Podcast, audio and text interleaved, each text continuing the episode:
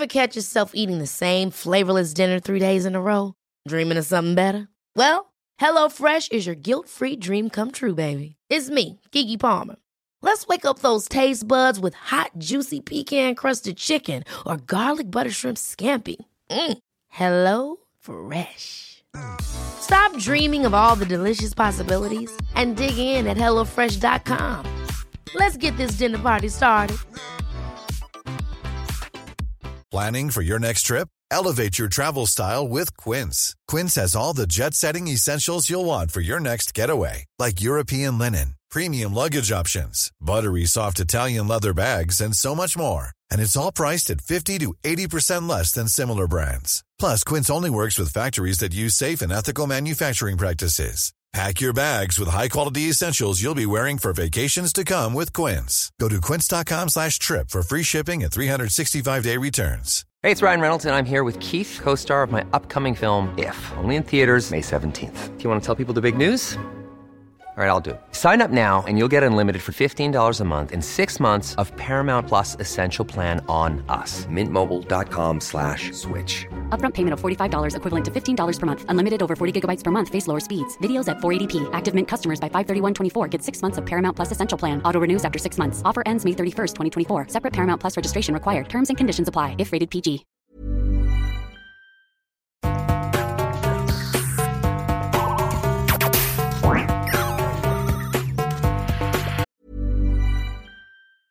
Even when we're on a budget, we still deserve nice things. Quince is a place to scoop up stunning high-end goods for 50 to 80% less than similar brands. They have buttery soft cashmere sweaters starting at $50, luxurious Italian leather bags, and so much more. Plus, Quince only works with factories that use safe, ethical, and responsible manufacturing. Get the high-end goods you'll love without the high price tag with Quince. Go to quince.com slash style for free shipping and 365-day returns. Ever catch yourself eating the same flavorless dinner three days in a row? Dreaming of something better? Well, HelloFresh is your guilt-free dream come true, baby. It's me, Kiki Palmer. Let's wake up those taste buds with hot, juicy pecan-crusted chicken or garlic butter shrimp scampi. Mm. Hello Fresh. Stop dreaming of all the delicious possibilities and dig in at HelloFresh.com. Let's get this dinner party started. Mom deserves the best, and there's no better place to shop for Mother's Day than Whole Foods Market. They're your destination for unbeatable savings, from premium gifts to show-stopping flowers and irresistible desserts. Start by saving 33% with Prime on all body care and candles. Then get a 15-stem bunch of tulips for just $9.99 each with Prime. Round out Mom's menu with festive rosé, irresistible berry chantilly cake, and more special treats. Come celebrate Mother's Day at Whole Foods Market. Velkommen til Sinnsyn. Jeg heter Sondre Risom Livre, er psykolog, og dette er Webpsykologens podkast. Hverdagspsykologi for fagfolk og folk flest.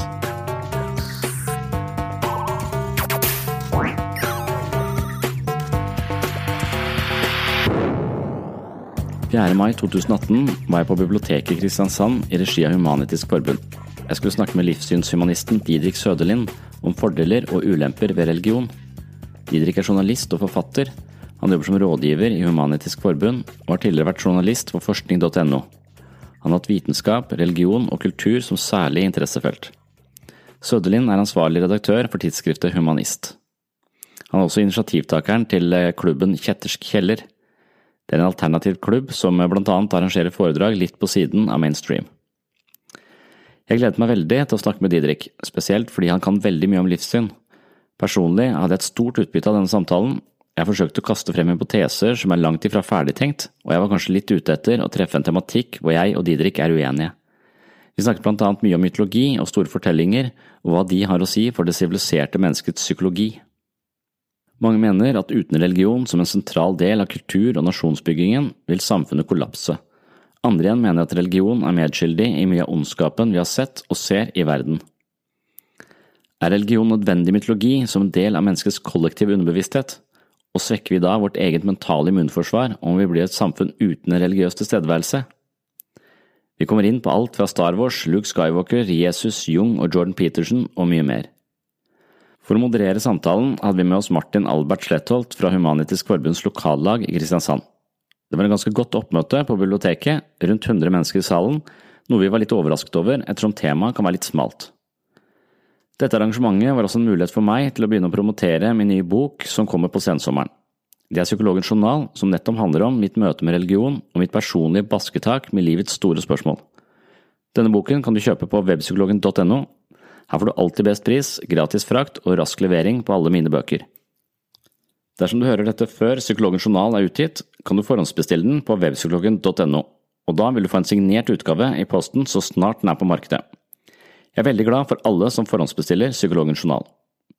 Nå skal du få høre Didrik og meg diskutere tro, tvil, mytologi og flere av livets store spørsmål. Vel møtt til en ny episode av Sinnsyn på biblioteket i Kristiansand.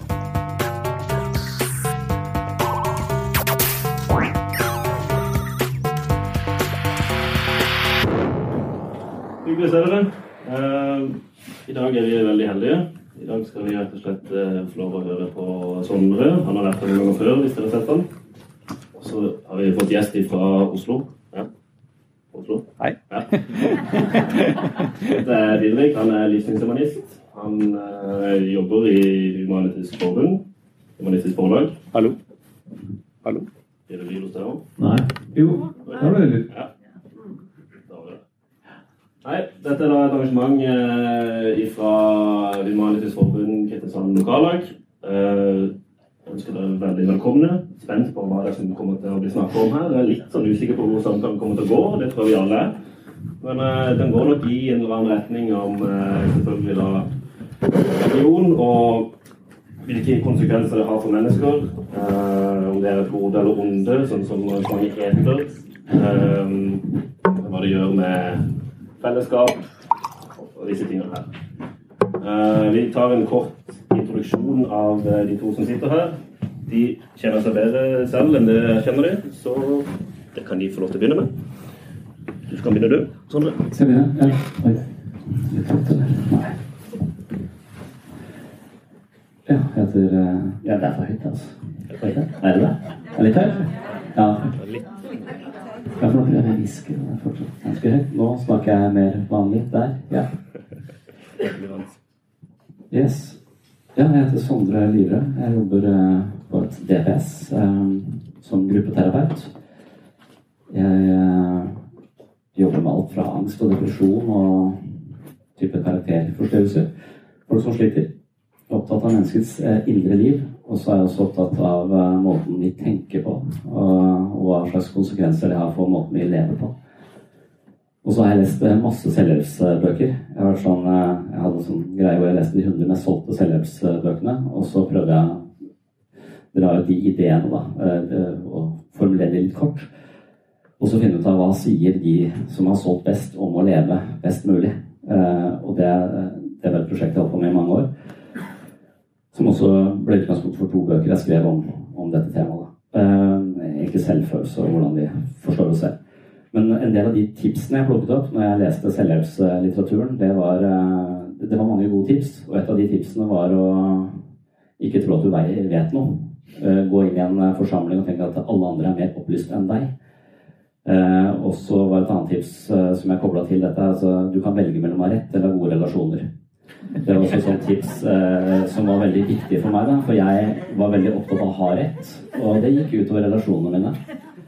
Og et av de områdene hvor jeg var mest bombastisk, det var i forhold til religion. Uh, og der var det så mange horn i sida til, til religiøse mennesker at jeg tenkte det var et godt sted å starte. Så jeg for eh, nå nesten seks år siden så hadde jeg som prosjekt jeg skulle prøve å bli religiøs. Jeg skulle prøve å leve meg inn i den måten å tenke på. Da. Uh, Så derfor så begynte jeg dette prosjektet som har eh, munnet ut i Psykologens journal, som egentlig er en beskrivelse av min egen terapi eh, i møte med religion og de store spørsmålene. Eh, Og og det er også en måte å prøve å bli litt mer ydmyk på. Og det håper jeg at jeg har, eh, har klart. da. I hvert fall så har jeg nå en langt større respekt for religion enn det jeg har, hadde før jeg startet dette prosjektet, og jeg har fått mange gode venner i dette prosjektet, og jeg har eh, vært egentlig veldig glad for de samtalene jeg har hatt da, i, i religiøse settinger rundt forbi.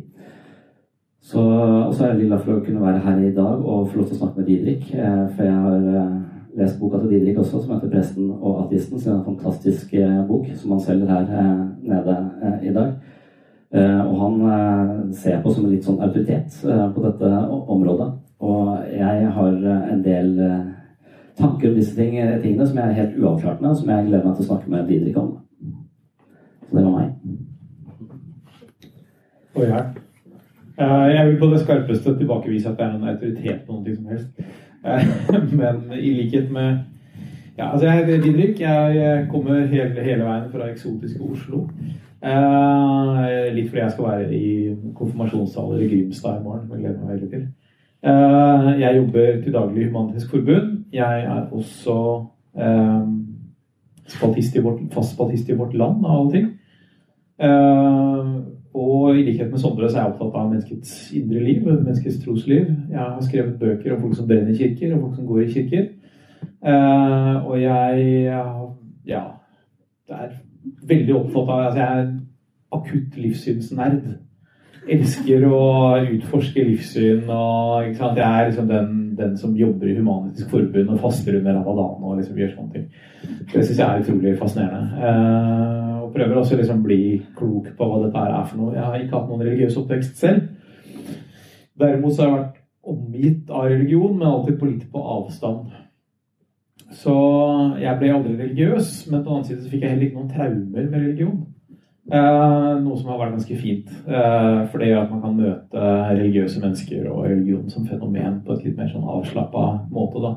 Men jeg innså til min store sorg da jeg var sånn rundt 30, at det var livssynshumanist jeg var. Det var, Jeg var enig med Humanitisk Forbund. Det syns jeg egentlig var det synes jeg var utrolig trist. Eh, en stund å bearbeide det, men så skjønte jeg at det var egentlig veldig fint. For det var egentlig bare å finne ut hva man faktisk mente. Men jeg ville egentlig være religiøs. Men jeg bare fikk det ikke til. Eh, så det, det, bare gikk ikke. Så eh, ja, uten å si noe mer jeg skulle si noe om da. Det er liksom mitt utgangspunkt. Jeg er også blitt kastet litt sånn inn i dette her. Så jeg håper på ordstyrets eh, kloke veiledning og rettledning. Så er det veldig koselig å være her. Tror jeg har blitt enda mer kasta inn i dette enn det du har. Men, uh... jeg tar ansvar for det. Ja, det, det, det er han vi vil høre på. Tre forvirrede menn. um, ja, det var litt om dere. Uh, ingen som bryr seg om meg, så det slipper vi. Uh, vil gjerne bare kaste oss inn i dette, for den samtalen her kunne sikkert vart lenger. Vi må nok mest sannsynligvis korte den uh, ned. Eller jeg må sikkert si stopp en eller annen gang. Mm. Regner jeg med. Så vi får bare hente inn noen minutter nå istedenfor å gå på overtid. Um, da tror jeg vi rett og slett må få en liten oversikt over hvilket tema vi skal snakke om. Og jeg har forstått det litt som at uh, vi skal snakke mer om uh, hvilke kollektive eh, konsekvenser uh, noen disse store religiøse ideene har, og hvordan det påvirker et samfunn. Mm. Formulerer han meg delvis riktig, i hvert fall. Ja, jeg tror det kan være ett av temaene. Det er også flere ting som jeg hadde, jeg hadde lyst til å spørre Didrik om hva hva han syns er det beste argumentet for kristendom, f.eks. Hva, hva vil det være der han tipper mest mot og tenker at her kan det være et eller annet? Her er jeg ikke skråsikker på mm. motargumentet.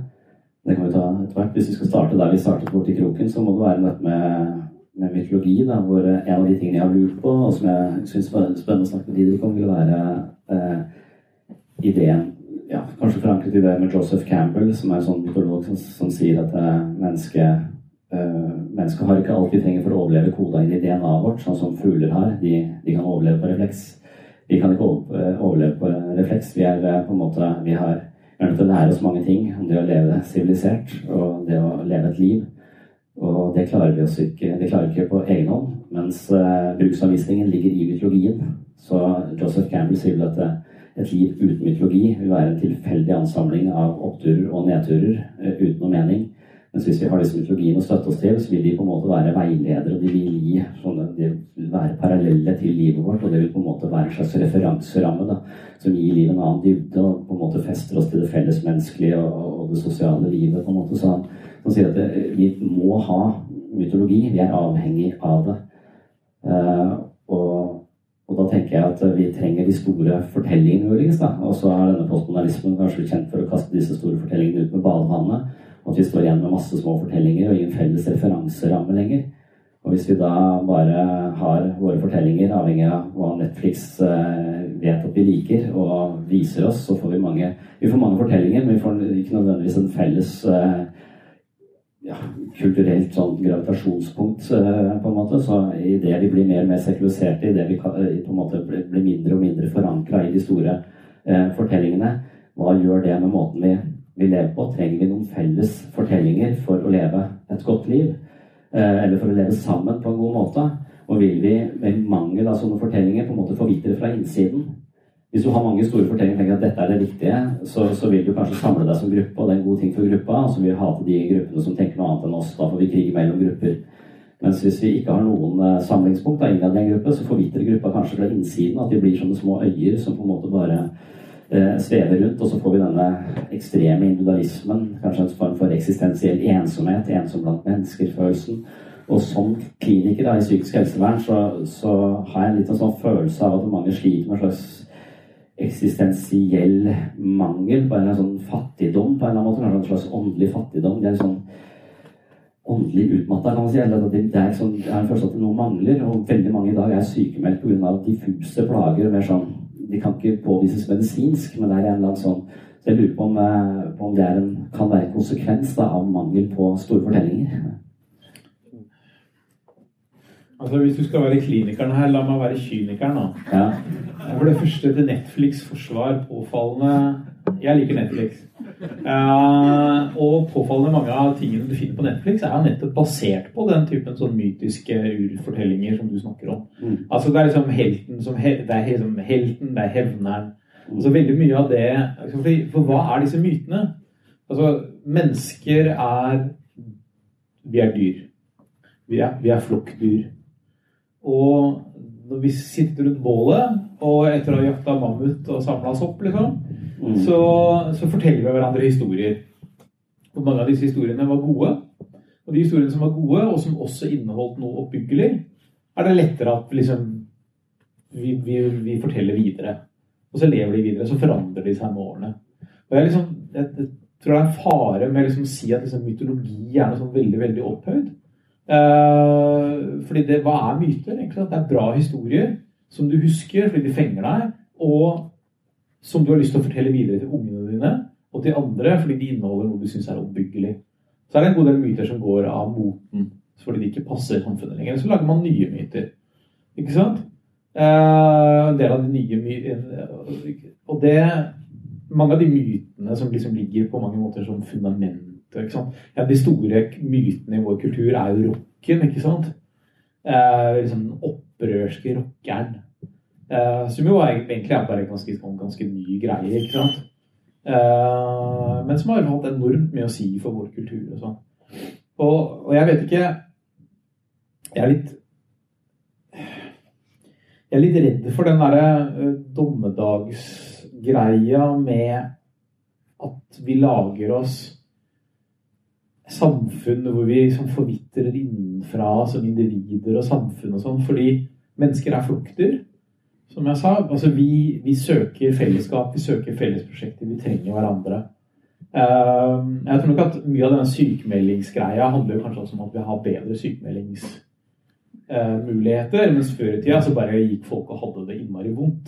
Altså Det var en, en, en fyr her om dagen som liksom la merke til at folk hadde begynt å gå med Folk hadde begynt å kjøpe klær til hundene sine om vinteren. ikke sant? Når det er minus 20, så putter man kåpe på hunden sin.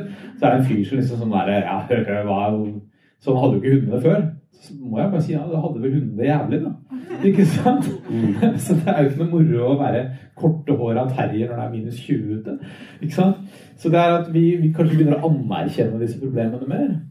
En annen ting er jo også at, at fordi den måten du resonnerer på nå, det er, veldig, det er noe jeg kjenner igjen fra mange mange diskusjoner med religiøse apologeter. Mm. Og man sier at hvis man fjerner religionen fra samfunnet, så blir folk bare deprimerte.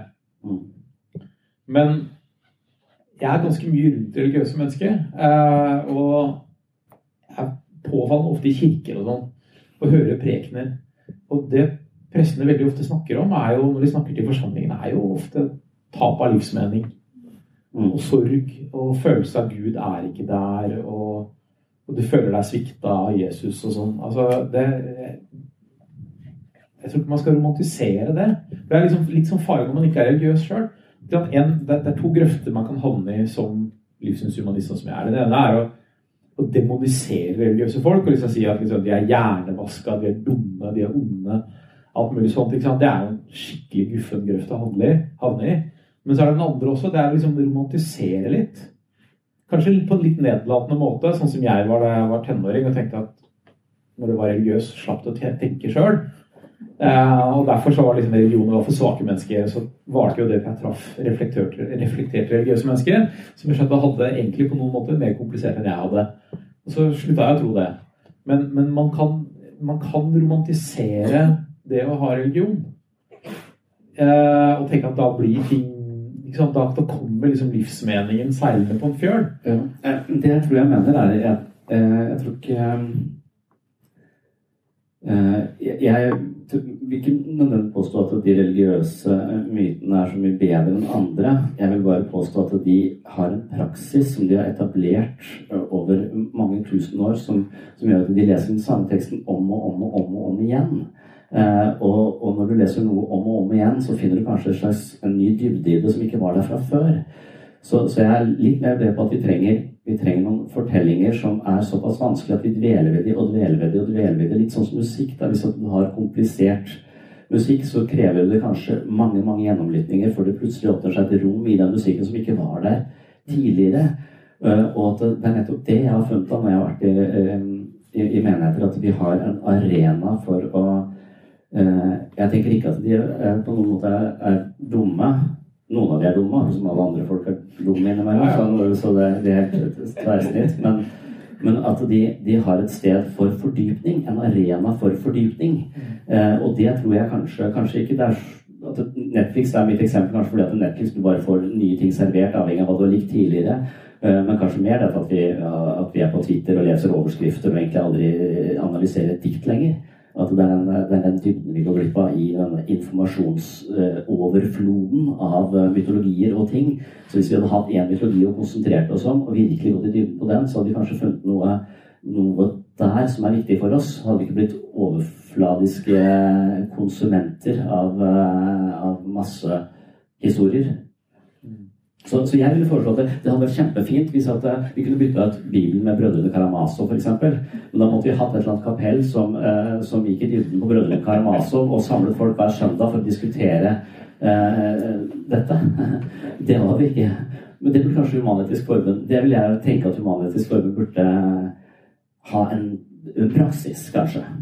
At det er vesentlig det. Altså, boksirkler finnes jo. Mm. Og jeg har jo, når det gjelder å finne uante dybder i tekster, jeg har, jeg har studert litteraturvitenskap. Mm. Eh, og det var jo noe av det vi holdt på med der. Diktanalyse og, og, og nettopp se på sånne altså gamle tekster. altså Mm. For vår kultur er full av det. altså Det du snakker om å lese de samme tekstene om og om igjen, bearbeide dem om og om igjen. Mm. Eh, Shakespeare, ikke sant? Mm. Ikke sant? Kommer en ny film eh, i, i halvåret Mm. basert på Shakespeare. Stadig nye teateroppsetninger. Liksom. Evig aktuelle ting. Uh, Odysseen til Homer. ikke sant? Altså Sånne ting har vi, har vi, eh, har vi jo flust av. Men, det er jo, men, men altså, religiøse folk har vært flinke til dette her. Ja. Uh, og det skal, de, det skal de ha veldig respekt for. Jeg er jo sjøl veldig betatt av den derre Veldig fascinert av det der. ikke sant? Det, for jeg, jeg er jo like, Jeg merker at du har litt sånn konservative trekk her og der. Og det har jeg også. Eh, og jeg syns jo det er litt sånn fantastisk at det er sånne bedehus rundt omkring hvor det sitter folk og faktisk fordyper seg i en 2000, det er 1700 år gammel bok. Eh, I en tid hvor liksom den kulturelle hukommelsen kanskje er 50 år, da. Så jeg jeg syns jo det er litt mirakuløst. Eh, og det respekterer jeg veldig. Jeg har veldig veldig sans for det. Men samtidig, altså de religiøse vennene mine er jo like ivrige Netflix- Netflix-konsumenter som det jeg er. Mm. Eh, og de mener jo gjerne at jeg leser mer enn dem. Jeg leser liksom, kanskje en bok i uka eller noe sånt. Det, det syns de er forferdelig mye. Sånn at det er, Det liksom, det det er alle, studerer jo ikke, alle studerer jo ikke litteraturvitenskap. Ikke sant? Så det er spørsmålet om Nei, jeg slutta å lese, og det kurerte meg for å lese skjønnlitteratur. Ja, okay. Ja. etterpå. Ja. Nei, så tenker du, eh, så en ting er at du kan oppsøke de arenaene selv på et eller annet universitet eller noe, men, men uh, hopen går jo, er jo ikke nødvendigvis der. Altså at, og i hverdagens uh, så, så jeg tenker at det å fordype seg i hverdagen, det nedprioriterer han hvis man har barn f.eks., eller eh, skal på fotballtrening, eller livet bare kjas og mas. Mens når du har en idé om at du havner i helvete hvis ikke du fordyper deg hver søndag, eh, eh, så gjør du det. Kanskje folk må tvinges. eh, på en måte. Kanskje det er en fordel eh, med det. Ja, men det er jo veldig få kristne som tror det nå. Og, og, Ja. og det er ikke hopen som sitter heller på ikke sant? Altså er med på en bibelgruppe Nei. på en regnfull tirsdag eh, i en lokal menighet. Det er ikke alle, det er ikke, det er ikke mange, det er ikke hopen det heller. Men det jeg tror det handler mer om, er at det er noen folk der Veldig mange folk har ikke den interessen. Mm. Og det er for meg helt greit. Folk er forskjellige. Eh, vi har alle våre, våre særheter, liksom. Mm. Eh, og så er det noen som har grublehuer, Mm. som en kompis av meg så fint sier det, sånn som jeg er, som, som må liksom, bruke tid og energi Mm. på å finne ut av ting. Sant? Ja. Jeg vet ikke om jeg klarer å synes at det er noe nødvendigvis veldig mye bedre, for å være helt ærlig. Nei, men det, det er kanskje det jeg tenker eh, i denne sammenhengen. Det vil være at jeg husker jeg skrev en del sammen med en dame fra India. Um, og, og vi snakket om oppdragelse av barn. Vi snakket om barns psykiske helse da jeg var i ABUP den tiden. Uh, som er interessant å diskutere med en fra en helt annen kultur om hva de tenkte om det å oppdra barn. Uh, og, og hun mente at uh, vi har altfor lett for å diagnostisere barn for tidlig og gi dem merkelapper osv. Hun sa at i vår kultur så, så vil vi kalle et barn opp mot tolv års alder et utrent sinn. Eh, så, det er et sinn som ikke har begynt å trene enda. Dermed så kan du ikke forvente Du kan forvente hva som helst. De kan eksplodere, de kan gå dit. Kan, du, du kan ikke på en måte det er, De er utrente. Eh, mens når de kommer opp i den alderen, så blir de på en måte kultivert inn i en eller annen sånn eh, praksis, og så handler det om å, å kultivere på en måte sinnet. da. Og, og kanskje det er litt sånn man skal tenke om, om psykisk helse. Altså, vi, vi er veldig klar over at kroppen vår skal, skal trenes for å ikke dø for tidlig eller få livsstilssykdommer og diabetes 2. Eh, men, eh, men det er ikke sikkert at vi har eh, Eller vi har kanskje ikke denne praksisen i forhold til hvordan kultiverer vi vårt indre liv. Hvordan, hvordan jobber vi på den måten. Og det å ha da en praksis for det. Kan si skole er det, kanskje, men men, men jeg, jeg lurer på om det, det er litt sånn jeg tenker om, om psykisk helse når, de kommer når det kommer folk opp til DPS hos oss og tenker at nå skal jeg eh, få det bedre. Nå tenker jeg du skal si et eller annet fantastisk, og så får du til å falle i hakk på, på innsiden her. sånn. Jeg har ingenting sånne ting å si, men jeg har en, uh, på en måte en idé om hvordan du kan få det bedre. Og det er få mer aktivitet i prefrontal cortex. Og, og det krever at du uh, f.eks. mediterer. da. Og jeg tror bønn og meditasjon for eksempel, kan ha en del av de samme eh, trekkene. Så hvis du da mediterer lenge, så vil du det å sitte og observere sitt eget sinn, det vil aktivere mer denne delen av, eh, av hjernen, og du vil være mindre fanget av dine umiddelbare impulser osv. Så, så det å være psykisk sunn handler om trening. Altså det å være fysisk sunn uh, handler om trening. Og at eh, at religion har tatt litt av den biten der òg. Kanskje ikke så mye kristendom, men kanskje da mer eh, de eh, østlige tradisjonene da, har, har hatt den eh, praksisen innarbeida. Så evnen til å tenke eller undersøke sitt eget indre liv, og ikke det Ikke bare leve i pakt med det du tenker og føler, for det du tenker og føler er filtrert gjennom alle rosene dine. Og det, er, det burde være litt kritisk så Så aldri stol på deg selv, aldri stol på tankene eller følelsene dine. Men vær oppmerksom på ditt eget indre, indre liv. Ha praksis for det. Nå er føler, jeg, nå, nå føler jeg meg kallet til å forsvare kristendommen her. Fordi kristendommen har jo en veldig sterk tradisjon for nettopp kontemplasjon. Ja, nettopp. Ja, jeg- med, ja. meditasjonslignende ting sånn. Mm. Så jeg skal ikke det er lett å liksom se litt sånn her buddhistene har liksom monopol på sånne ting, hvis man sitter her. Ja, jeg. Eh, det har de absolutt ikke. Um, og eh, og jeg kjenner jo kristne som har som avlagt munk, munk og nonneløfter Mm. nettopp for å vie hele livet sitt til den typen, eh, den typen praksis. ja, det er helt enig. Men, men, eh, men det, det du snakker om her på, på mange måter, er jo at det er snakk om dannelse. Mm. Det er det det er snakk om. Det er altså det, det som handler om å dannes til å bli et sivilisert menneske.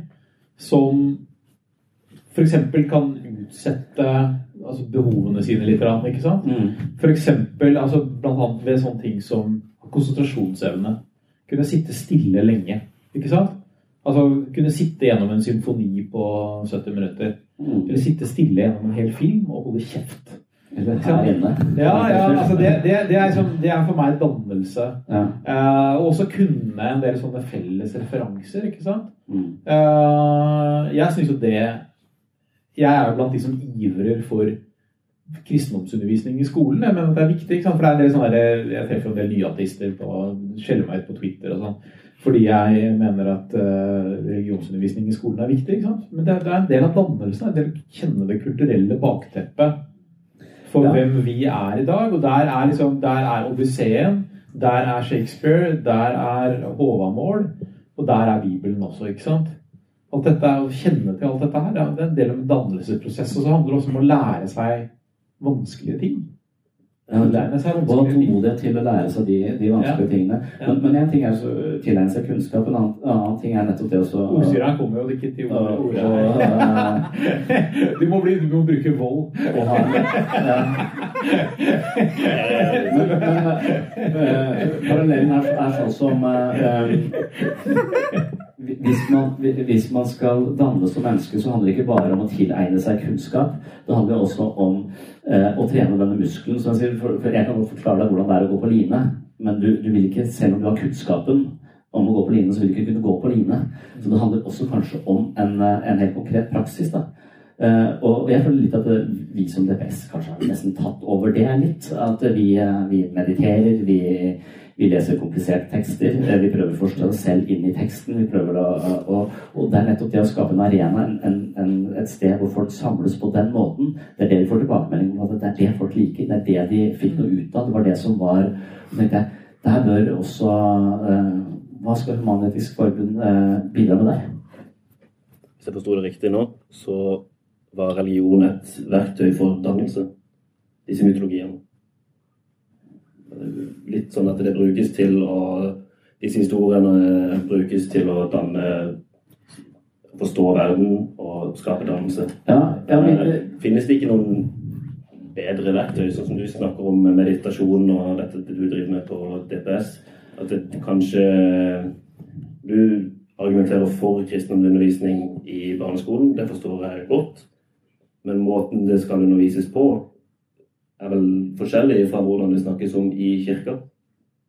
Det, Altså, altså, altså, altså Hvis det skal være religionundervisning i skolen, så skal jo den, det, så skal jo det være vitenskapelig fundert religionskunnskap. Ikke eh, liksom et, et fag om eh, dette lærer i kirken. Det skal det jo være. Altså, det er den typen undervisning jeg skal ha. Altså trosopplæring for kirken tar seg av. Det er ikke skolens oppgave. Jeg er jo veldig, veldig sånn, jeg er jo veldig mot skolegudstjenester og sånn.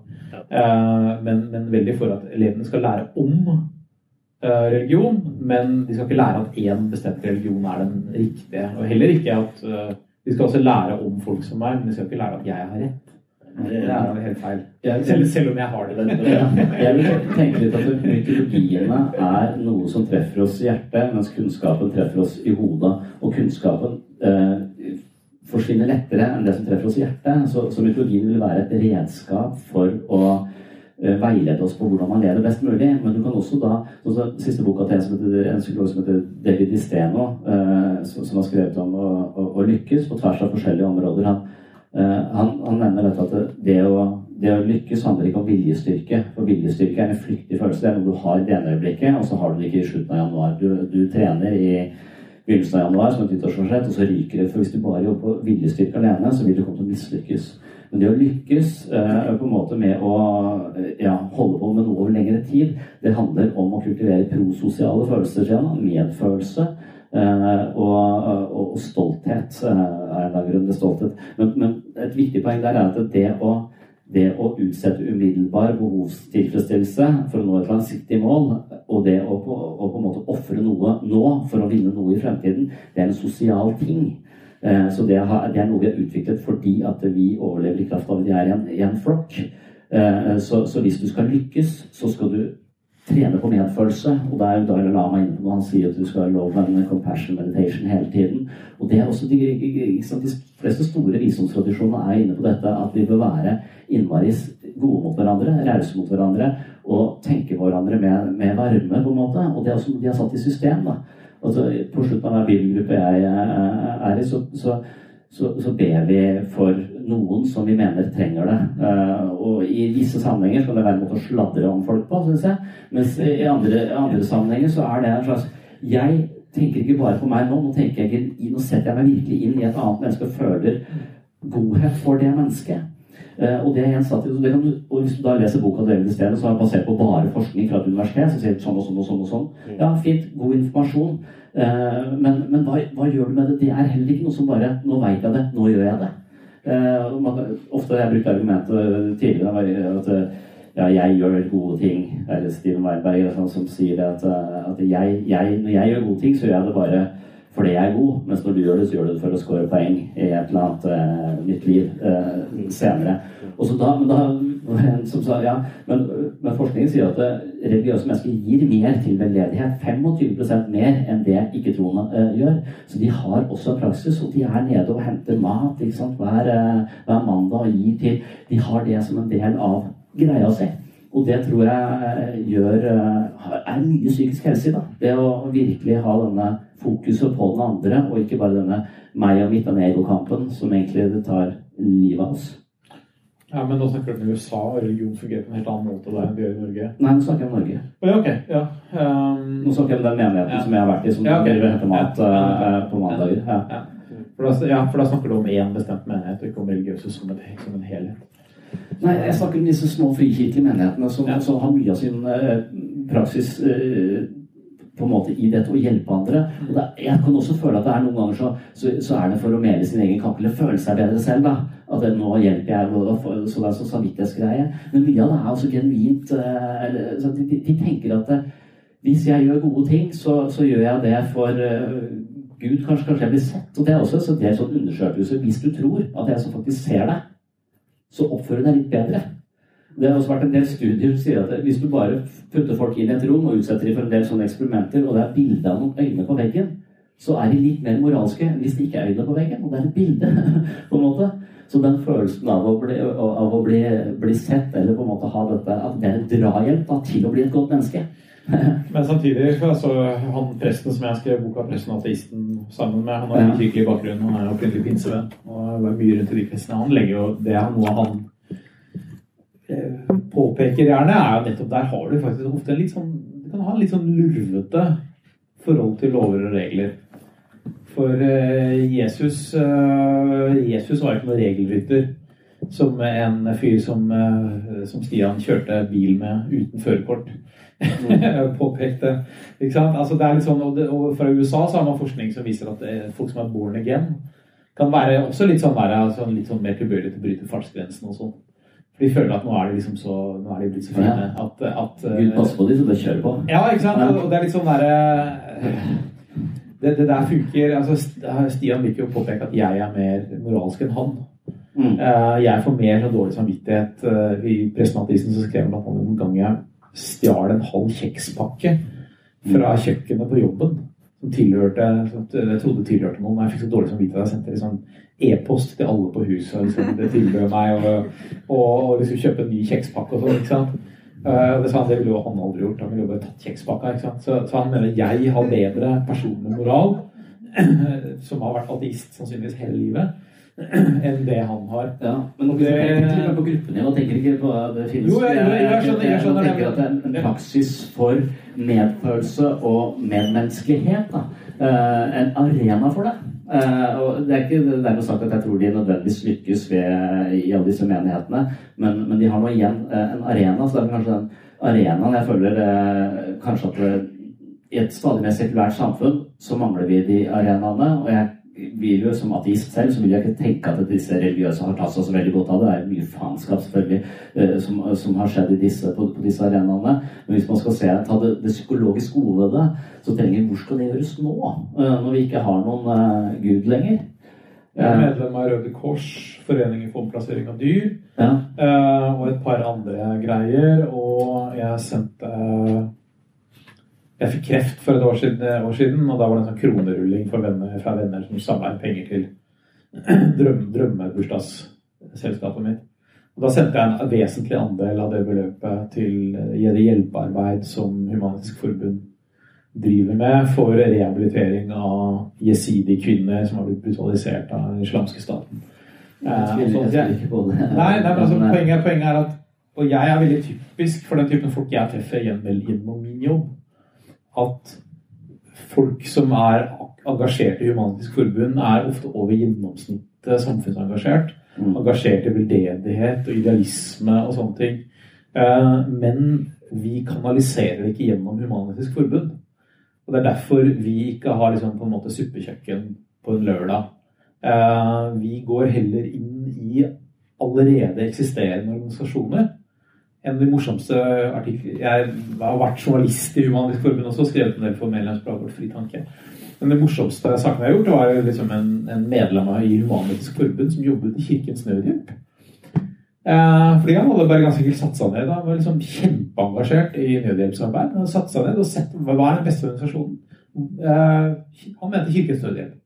Begynte han å jobbe der. Så fikk han heller gå på gangen når de hadde andakter på kontoret. ikke sant? Da tenkte at vi kan heller lese avisen og ta kaffe. Uh, så det er liksom sånn altså, Sånn er vi, da.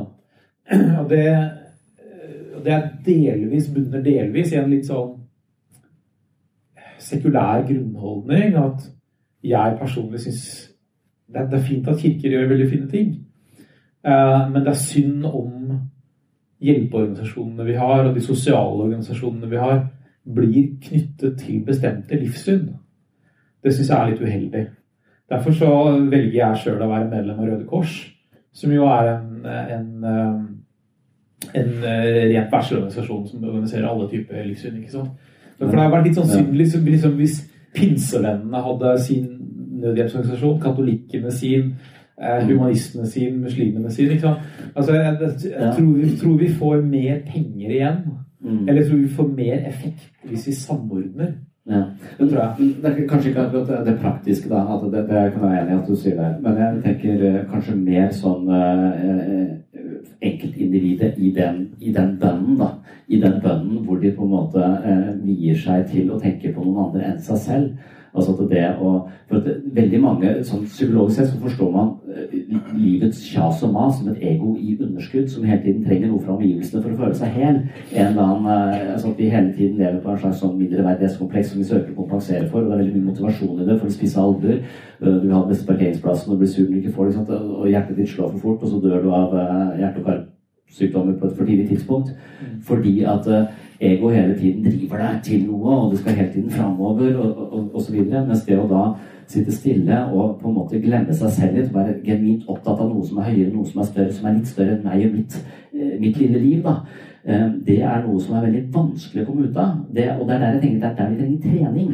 Og så må vi vite at det er lurt, både for deg og for de folka som er rundt deg. Uh, og jeg vet ikke om vi klarer å formidle det. Uh, psykolog, psykologien veit det. Uh, og hvis du studerer psykologi, så veit du det. Filosofien vet det. Folk flest vet det kanskje, men de gjør det ikke. Med mindre det kanskje blir systematisert.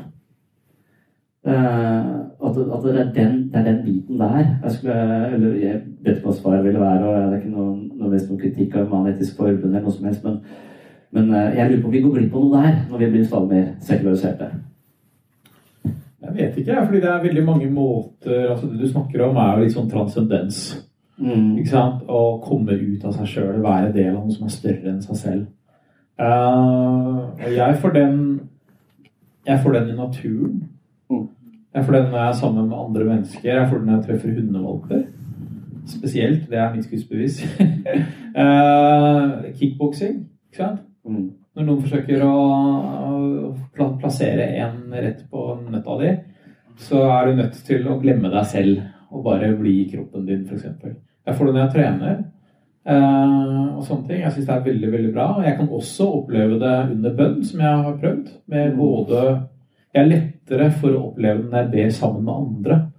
Fordi et problem for meg som den ateisten jeg er, er at det er som kristen bønn å sitte for seg selv og prøve å snakke med en gud som jeg har veldig store problemer med å tro på. Ja.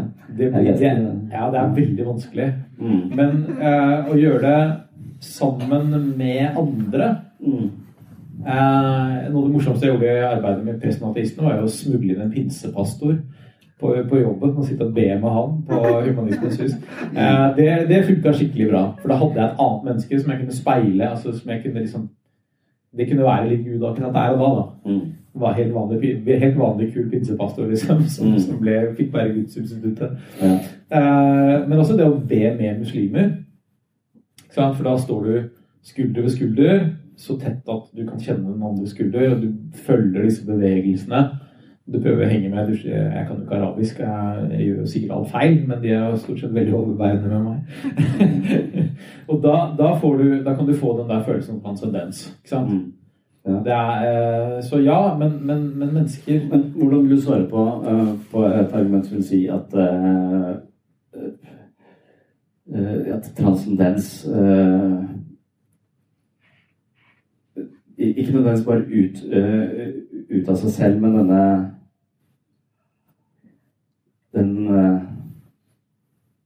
den praksisen som, som de har, hvor de tenker på noen andre enn seg selv, det er noe som, det er noe som, eh, som også er innbakt i hele kulturen og hele, i, i mytologien. Og, og vi trenger for å leve sunt og leve godt og være karakter, eh, eller utvikle vår karakter, så må vi tåle veldig mye smerte og motstand. Eh, og, og hvis vi fjerner all den tradisjonen vi har for å forstå oss selv, og forstå oss selv i overgangen til nye stadier i livet osv., ritualene som du skal med på, på, på, på i morgen. Eh, Så, så vi, vi, har, vi må ha en eh, vi må ha en slags referanseramme til, til dette livsløpet vårt og dette å, å utvikle vår karakter og vite at det å stå i motstand eh, og tåle motstand og akseptere sin skjebne, for så å komme seg videre, leve smerte og leve forbi smerte osv., det er noe som vi Hvis vi ikke har noen fortellinger som veileder oss der, så vil vi lett bøye av som mennesker. Vi vil på en måte unngå mest mulig smerte, for det ligger naturlig for oss. Uh, uten å på en måte tenke oss om at det er smerte vi må tåle for å vokse. Uh, på sett og vis at noen av disse fortellingene La oss si sånn som Jung leser, leser, uh, leser Jesus som et bilde på selve. At, at en sånn, kanskje en arketypisk tragedie hvor en fantastisk eh, best mulig mann på en måte blir utsatt for verst mulig tenkelig lidelse og piska og svikta og alt dette her. Eh, men også, også blir han plutselig fra å være, ha et liv som snekker og greit liv, og så plutselig blir alt mørkt, alt kaos, og han på en måte dør, men så gjenoppstår han. Og det er et bilde på selve at eh, selv om vi kan være gode mennesker, og plutselig så blir vi syke kanskje, vi får kreft, eller vi blir skilt, og så bare så kollapser livet i kaos. Men så finnes det da eh, et håp om å bli gjenfødt, eh, på en måte. eh, Og vi har fortellinger som sier altså at mange mennesker har vært i dette mørket, mange mennesker har vært der, og det er mulig å, å, gjenoppstå. Så at mytologien har noen sånne veiledninger på at livet er jævlig og vanskelig. Men idet du står i det og tåler din skjebne, så har du muligheten til å gjenfødes, på en måte. Mens jeg har nok en Dette må jeg fortelle folk nesten hver dag. De tror at det å få det bedre med seg selv og komme til psykolog, det vil være en, eh, en prosess som bare går én vei. Fra nå har jeg kommet til deg, og vi skal snakke sammen, så skal det bare bli bedre og bedre. Men ofte så er det det motsatte. At du har unngått deg selv. Du har unngått ditt eget indre liv, dine egne følelser. Du har bare jobba litt mer, fått noen medisiner. Eh, distrahert deg selv vekk fra deg selv. For at indre smerte har du ikke noen fortellinger på det eventuelt. da. Eh, og og, og du, du har kanskje heller en sånn Per Fugli snakker om nullvisjonen. ikke sant? En, en sånn, eh, et sånt liv hvor vi har en idé om at det skal gå på skinner. Eh, og, og vi ser, fordi vi sammenligner oss kanskje i sosiale medier hele tiden med folk som ser ut som ting eh, går på skinner, så har vi ikke en forståelse for at det, det er i smerten vi vokser. Og, er, og kanskje smerte er det du bør egentlig oppsøke. Eh, litt sånn Apekatter er veldig redd for slanger, men hvis du kaster en slange inn til dem, så vil de stirre på slangen. De vil aldri ta blikket vekk fra den. For at hvis du snur ryggen til slangen, kan den komme til å bite og bli forgifta. Sånn vil også være med indre smerte. At vi, når vi får en slags signal om at eh, ting er ubehagelig, er urolig, jeg har en viss grad av angst for at livet begynner å bli meningsløst, så burde du se mer på det istedenfor å snu deg vekk og gå til fastlegen din og få en medisin som tar vekk den følelsen. Da. Og at eh, disse ideene, spesielt kanskje Det gamle testamentet, viser livet realistisk som smerte. Og de som har stått i smerte, kan uh, ja, altså, Og de motiverer oss til å, å, å, kultivere vårt indre liv og møte denne smerten. At, og ha en praksis for det. For, for det å meditere for eksempel, er kjempevanskelig, og det er dritkjedelig. Uh, uh, så Amen. Ja, så, så, så hvis ikke jeg hadde vært overbevist av uh, Jon Kabat-Zinn uh, om at det å meditere vil være bra for meg, og spesielt for mine barn, for det kommer til å være mer tålmodig, står det i boka. Uh, og det trenger jeg overfor barna mine. Så hadde jeg ikke gjort det. Jeg må, ha, jeg må være overbevist på en eller annen måte. Og, og, da kan vi basere det på forskning. For forskning viser at du får mer kapasitet i prefrontal cortex og klarer å regulere følelsene bedre hvis du mediterer mye. Men, men, det kan være veldig vanskelig å motivere folk til å gjøre det, med mindre eh, du har på en måte gjort det til en del av kulturen. Da. Et utrent sinn, og så trene folk inn i noe. Eh, og du tenker, du har eksempel på at du gjør det i naturen osv., men, men det er ikke sikkert at alle får plass til det. Jeg får egentlig ikke plass til det hvis ikke jeg hadde virkelig gått inn for å, å plassere det inn i hverdagen min på helt bestemte tidspunkter, og jeg er heldig som har en del av jobben min. Tenker, Hadde jeg ikke hatt den jobben, så tror jeg jeg hadde hatt det ganske annerledes. Men altså folk er, jeg, I likhet med deg syns jeg trening synes jeg meditasjon er gørrkjedelig. Mm. Uh, men jeg merker at jeg får veldig mye av samme effekten ved å trene fysisk. Mm. Uh, gå på gym og løfte noe skrot er for meg Altså, jeg føler meg helt forynget i hodet etterpå. Jeg er full av endorfiner og rolig, avbalansert. Stress og angst forsvinner. Uh, og så har det masse positive fysiske effekter som jeg ikke får av meditasjon. Så jeg har funnet at det funker bedre for meg. I tillegg så har jeg depressive trekk. Og forskninga viser jo at uh, fysisk trening funker har også helt klar sånn forebyggende effekt på depresjon. Ja, det er hjernen som blir på en måte mest av trening. Ja, men du snakker som om liksom alle disse fortellingene og mytene og sånt vi forteller hverandre, kan forsvinne. Det, det, det kommer de ikke til å gjøre. Altså, alle disse historiene om om folk som har det fælt, som ofrer seg for noe større enn seg selv, som ofrer seg for andre uh, for at de skal ha det bra. Altså, Hva er det Netflix handler om, annet enn det? da?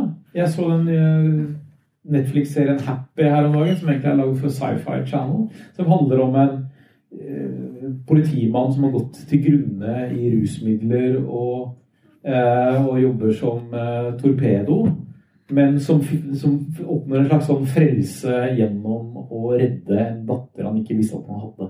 Ikke sant? Og det er liksom det, det, det er egentlig helt fantastisk. Og så er det masse, ikke sant? Er det masse gladvold og mm. sånn underveis. Men, men grunnhistorien er en mann som, som Ikke sant eh, Som, som oppdager noe edelt og nobelt ved seg selv, mm. og som ofrer seg for det. Ja. Ikke sant? Og det altså, sånn, Nesten alle disse historiene. ikke sant? Altså, Kanskje den store mytologien i, i vår tid er jo Star Wars. Mm. Ikke sant? Det er virkelig sånn Og, og hvorfor, hvorfor er det folk er så opptatt av Star Wars?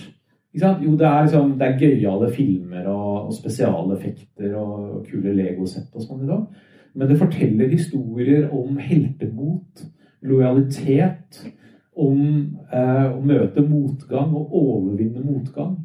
Eh, Ofre seg for et større ja, ja, større ideal osv. Jo, jo, selvfølgelig. Altså, det er mørkesider her også, men alle de mytologiene mm. altså Alle som har åpnet Bibelen, ja. vet jo at det er jo ikke altså, Det er jo grunnen til at barnebiblene er ganske er ganske nedtrimmet. det er ikke bare pga. lengden. Nei. Ja. ikke sant?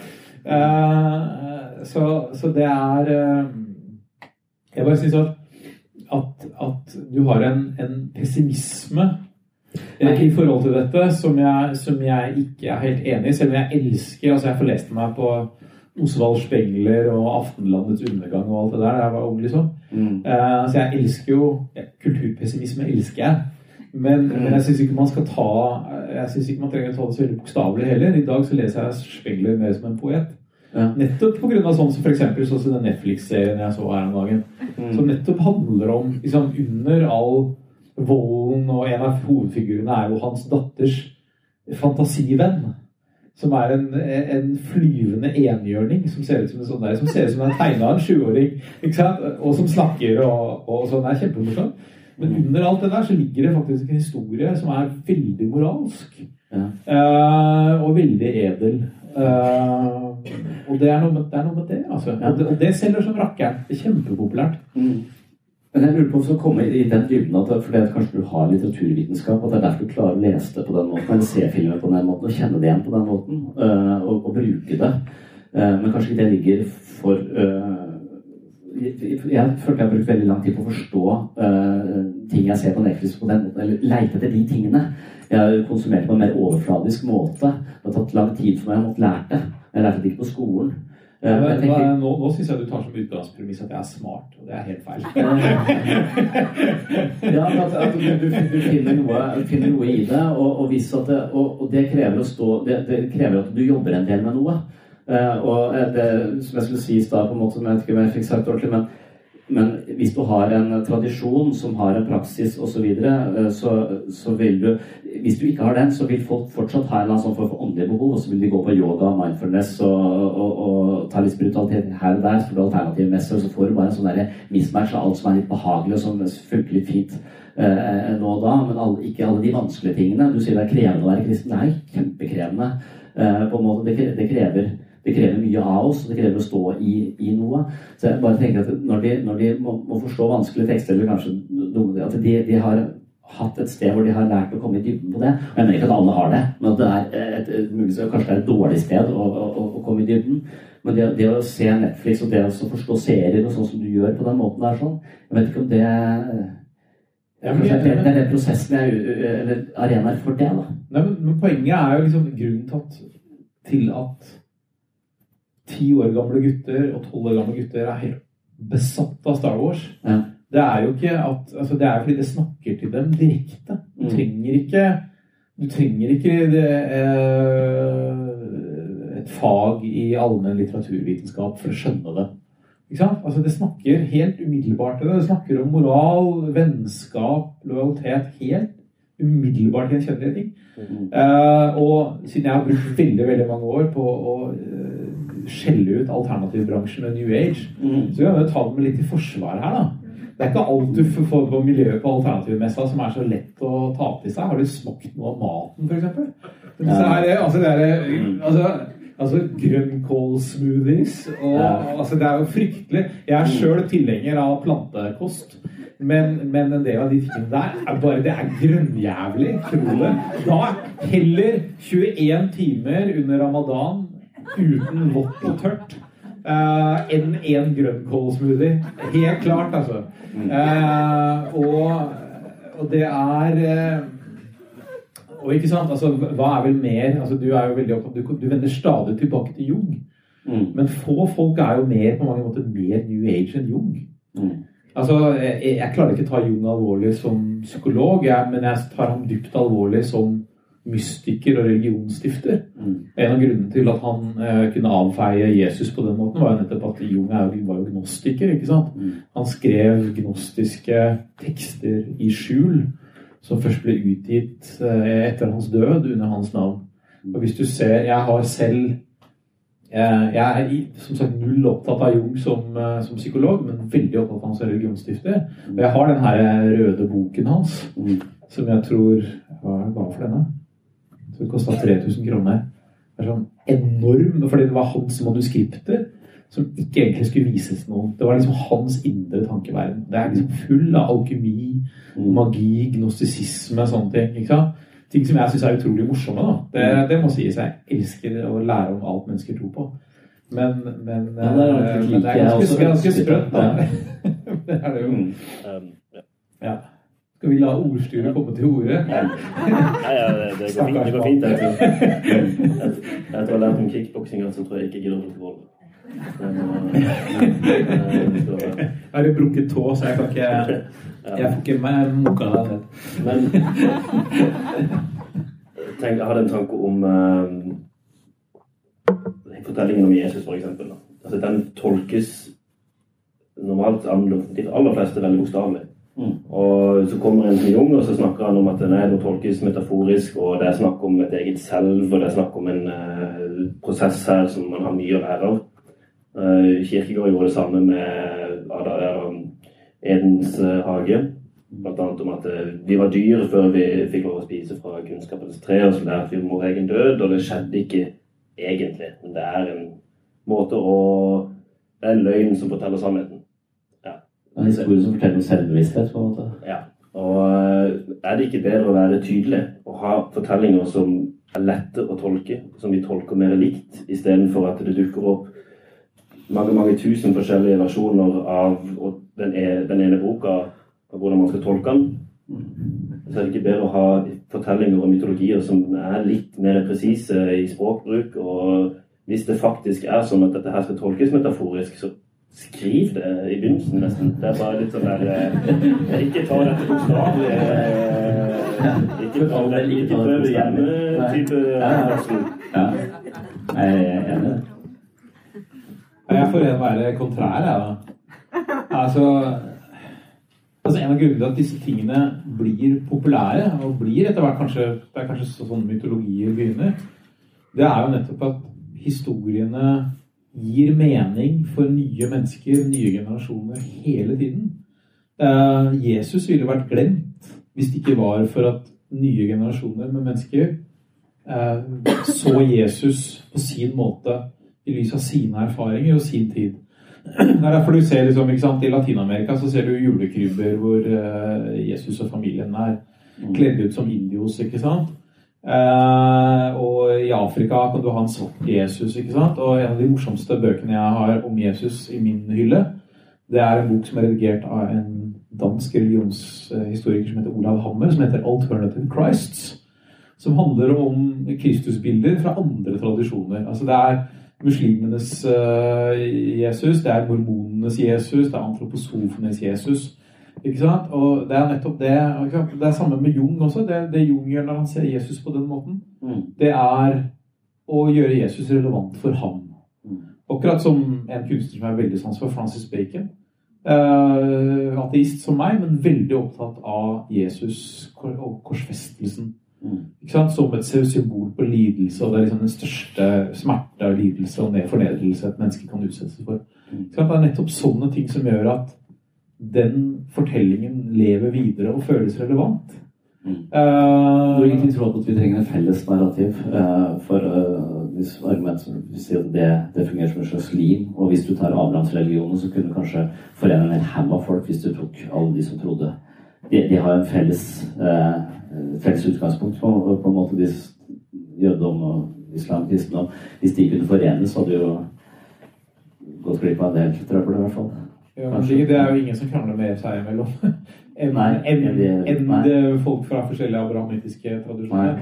Uh, særlig hvis du tar alle de kristne Eller hvis vi tenkte at vi kunne vokse innad i tradisjonen. At liksom, når du er barn, så forstår du at hvis du ljuger, så får du en lang nese. Men etter hvert som du blir eldre, så forstår du at uh, det, du får faktisk ikke lenger nese av å ljuge. Du bare burde ikke gjøre det. For da havner faren din inn i en hval eller noe sånt. Nei, men vi, vi, kan, vi, kan leve, vi, vi, kan lære folk at de ikke bør lyve, fordi å lyve er slemt. Uh, å lyve er uh, Det er stressende og slitsomt for deg å lyve. Uh, det er ikke bra for samfunnet, det er ikke bra for deg eller menneskene rundt deg. Derfor så skal du ikke lyve. Derfor så er personlig moral bra. Mm. Du kan bli president da, hvis du lyver nok. Ja, det er sant, men Men, men, men, eh, men uh, igjen, Trump er jo kjempepopulær blant kristne i USA. Ja, ja. Ikke sant? Så der har du igjen religionen har ikke vist seg å være noen buffer mot den typen oppførsel i det hele tatt. Snarere tvert om. Mm. Sånn at, sånn at Jeg har veldig, generelt veldig liten tro på religion som sperre mot usivilisert oppførsel. Mm. Eh, fordi en av de fine tingene med religion, som er at religiøse er flinke til å skape fellesskap, mm. eh, varme, gode fellesskap, er også en av de farlige tingene med det. Fordi når du definerer et fellesskap, så må du også definere noen på utsiden. Mm. Eh, og det kan fort bli giftig. Eh, andre typer menneskelige fellesskap man også gjør, det bevares. Det er jeg helt sikker på at altså, jeg har vært lenge nok i ateistbransjen til å se at det kan fungere veldig stygt, det også. Når ateister sitter og baksnakker religiøse mennesker. Men, men, eh, men, eh, men jeg har veldig liten tro på den der greia. Altså, det blir noe sånn utopisk med det.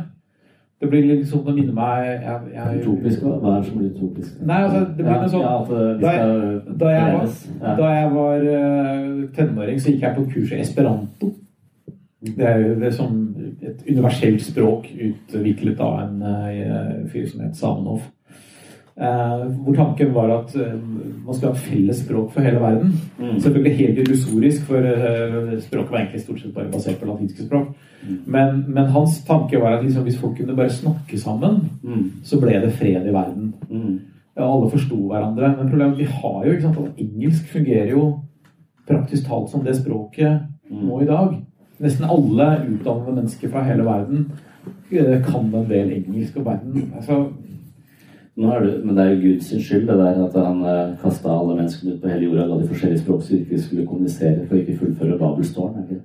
Jo, jo, det, det er jo flott, det er flott historie, syns jeg. Ja, Men, men, eh, men, eh, men eh, Men eh, Men jeg synes, syns, jeg syns du faller ut i den fella til med å romantisere. Altså ateisten som romantiserer religion. Ja, jeg, vet ikke om jeg står Jeg Og glad jeg bare spør deg jeg, hva du Jeg synes det er for de innspillene. Ja. Det er litt, det sånn, ikke sant? Jeg syns ikke man skal ned, rakke ned på religion, fordi religiøse mennesker har stått bak veldig mye bra. Eh, ikke bare har stått bak, men står bak veldig mye bra. Mm. Mitt liv har blitt alvorlig forandret av religiøse mennesker som har snakket med meg, delt ting med meg, gjort fine ting for meg osv. Uh, jeg er blitt alvorlig imponert, men religiøse mennesker står også bak mye tullball. Ja, for- Eh, fordi religiøse mennesker er liksom De er nesten som folk flest, kan du si. Ja. Jeg må si, nå har jeg egentlig tatt den rollen for deg, så sier jeg, kan jeg klare å forsvare religion på en måte? For jeg har brukt uh, stor del av livet mitt på å snakke imot, og det er det jeg har skrevet om. Og så, Ja. så, så, så jeg har så masse å si. Man kan si at noen, noen ting Å tenke på andre seg selv, og be, og ha praksis, og ha et samvær Alle disse tingene tenker jeg er psykologisk sunne ting. Men, men uh, når jeg er på bibelleir, f.eks., og alle smiler hele tida, uh, og er så blide, så, og, og, og tenker og jeg har lyst til å slå de ned. Eh, eh, fordi at det, det, er, og, og det er også noe jeg men det er også noe jeg opplever i klinisk praksis, at de som er strengt religiøse, har et veldig strengt forhold til sitt eget psykiske liv og sine egne følelser osv. Og det vil være stikk i strid med hva man vil tenke er psykisk sunt. Da. Så, så jeg kan jo snakke til Eller snakke til neste uke om hva som er skadelig Men med det. For jeg mener at det, det vil være ulempe. Men spørsmålet er finnes det noe vi trenger der? Det er det jeg egentlig har prøvd å løfte. Ja. Uh, vi har snakka i en time, eller de har snakka i en time. Jeg har bare sittet der pent og hørt på. Uh, vi tar uh, fem minutter, og så eh, fem minutter pause. Ti minutter. Fem minutter pause, og så eh, Eller kan vi bare gå rett på. Ja, kanskje vi går rett på, så Ja, går rett på? Jeg tror Ja, det er så da går vi rett på. Sånn at folk flykter. åpner vi litt fra spørsmål, sånn at dere kan eh, være med og styre samtalen i den retningen eh, dere ønsker. Er det noen med en gang som eh, har et eller annet de sitter med?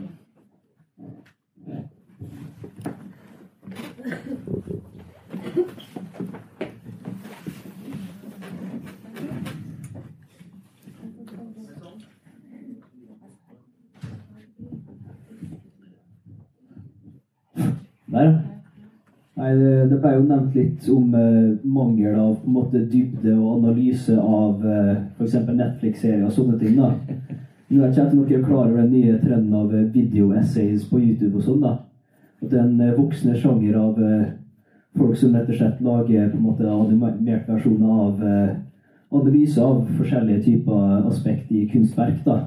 Alt fra kameravinkler og sånne ting til filosofi og sånne ting. da. Og det er en eh, veldig voksende populær ting, så jeg tror det er en tørst i den større delen av den generelle befolkninga enn kanskje man uh, tror. da, og at uh, Man trenger ikke være superutdannet, man kan bare være interessert og søke etter folk som er utdanna og kan forklare det for deg, da, rett og slett.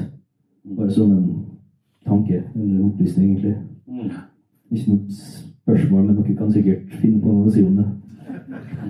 Jeg er altså litt sånn redd for den her oppvurderinga av utdannelse. Kanskje litt fordi jeg er underutdanna sjøl. jeg hoppa av mellomfaget for å jobbe i Playboy, liksom. Sånn at det, jeg har ikke akkurat noen fantastisk akademisk løpebane.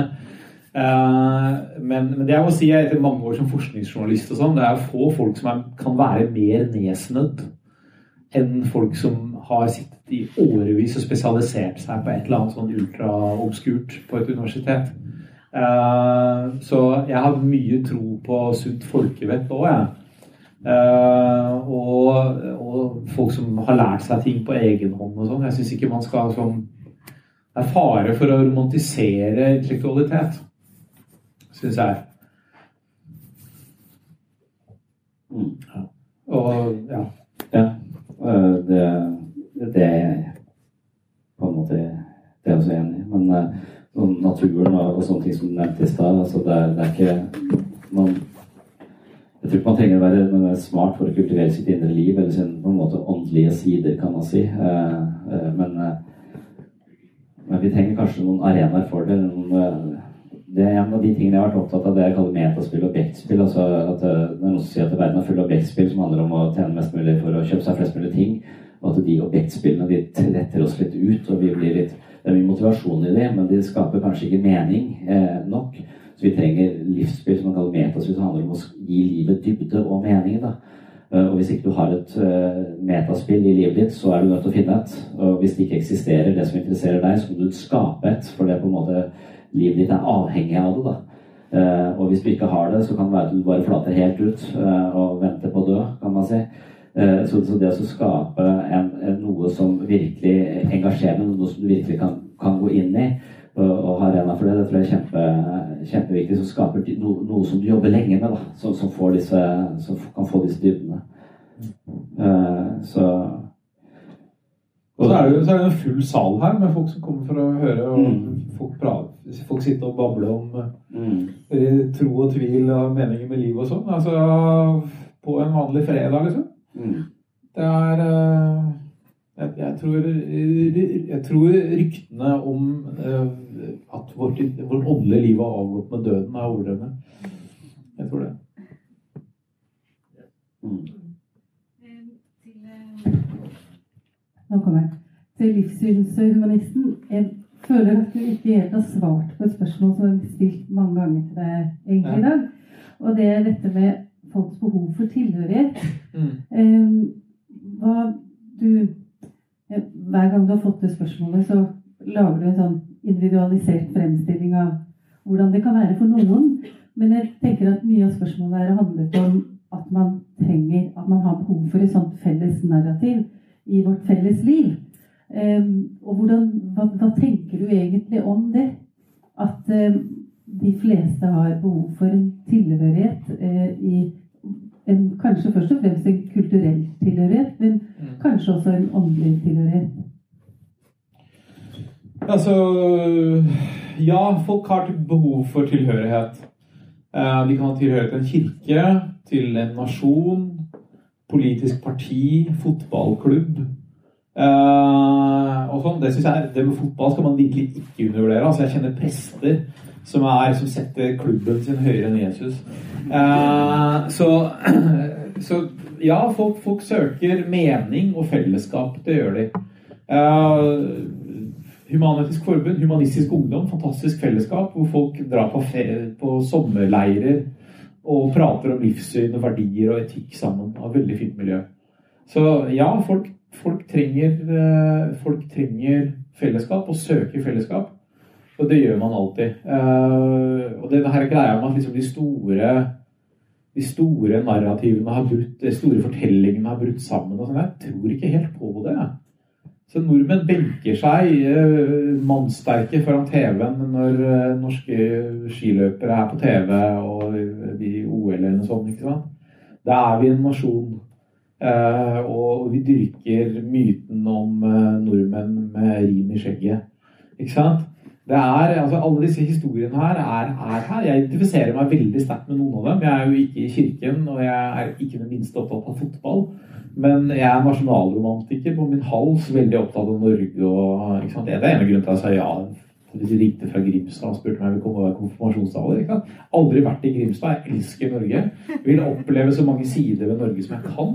Så for meg så er det, er det ikke bare kult å kunne stå til tjeneste for konfirmanter og kunne forhåpentligvis levere en tale som ikke er for pinlig. Men det er altså en veldig meningsfull ting for meg å komme til Grimstad og oppleve den siden ved mitt eget land. Ikke sant? Så ja, altså Folk har masse det, det, jeg tror vi aldri kommer til å få igjen, det er en sånn greie hvor alle nordmenn er kristne. Det kommer vi aldri til å få igjen. Og det har aldri egentlig vært sånn heller. Eh, det har vært, vi har alltid hatt folk som ikke har vært kristne. Vi har hatt samer, vi har hatt jøder. Eh, vi har hatt folk som meg, men som bare ikke har turt å si det. Fordi du kunne jo bli utsatt for ganske fæle ting hvis du, hvis du ikke var kristelig. Så, så en sånn livs, en sånn pluralisme av livssyn, det har kommet for å bli. Det, men det har også alltid vært her. Og det har gått ganske greit.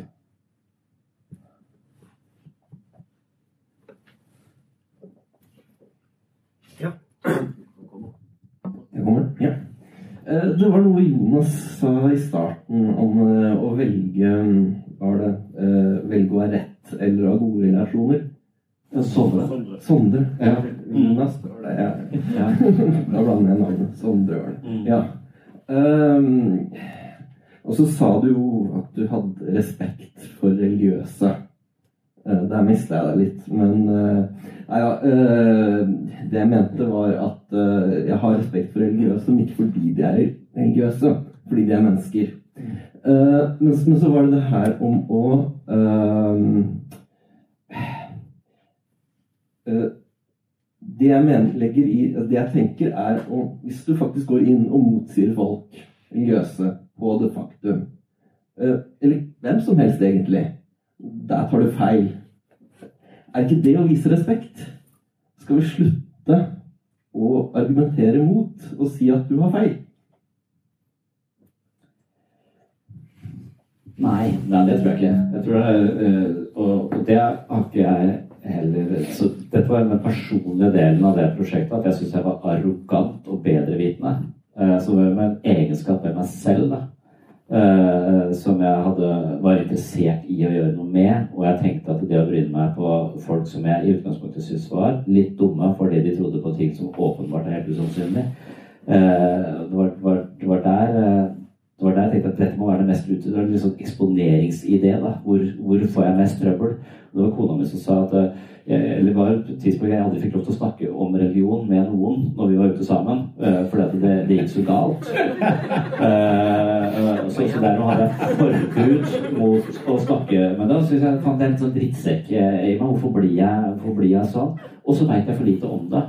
Så jeg er helt enig skal ha respekt for mennesker for det, men, men jeg, fikk, fikk opplevelser av at det var en annen dybde i disse miljøene enn det jeg hadde tenkt. Jeg trodde det var bare hyklerske, dobbeltmoralske folk som, som gjorde sånn som de ville, og så gikk de, fikk de sunneflat på søndag. At jeg hadde masse sånne ideer, og det er helt sikkert en del som er sånn, men sånn er, det er en del mennesker som, som er sånn.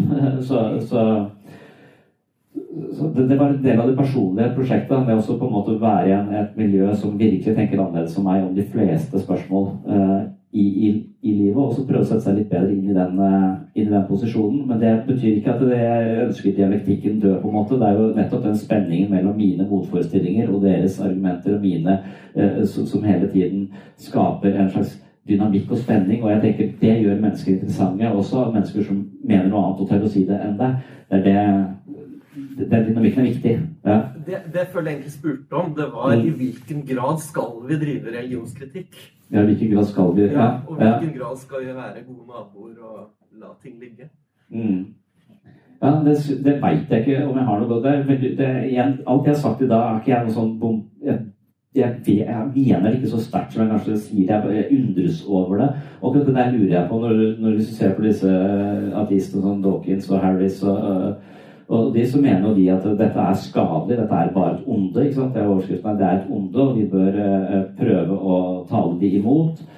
Uh, og fordi at det, det, representerer en måte å tenke på som uh, åpner for at de kan tenke sånn i andre settinger. Så det er en fare i selve denne måten å tenke på. Så vi bør ta knekken på det. Og så mener vi at i det deres for de omvendte mange. De snakker om at vi har tusenvis av eh, brev vi får hele tiden om folk som sier takk for at nå har du gjort noe ut av dette religiøse tyranniet. Uh, og de mener det er veien å gå. Jeg er litt uh, usikker, da. Jeg, jeg, jeg, hadde Jeg tenker også Når jeg var liten, så trodde jeg at, at Gud var en mann med et hvitt skjegg. Og, og, så tenker jeg kanskje min kritikk av kristendommen er at jeg syns den er litt infantil.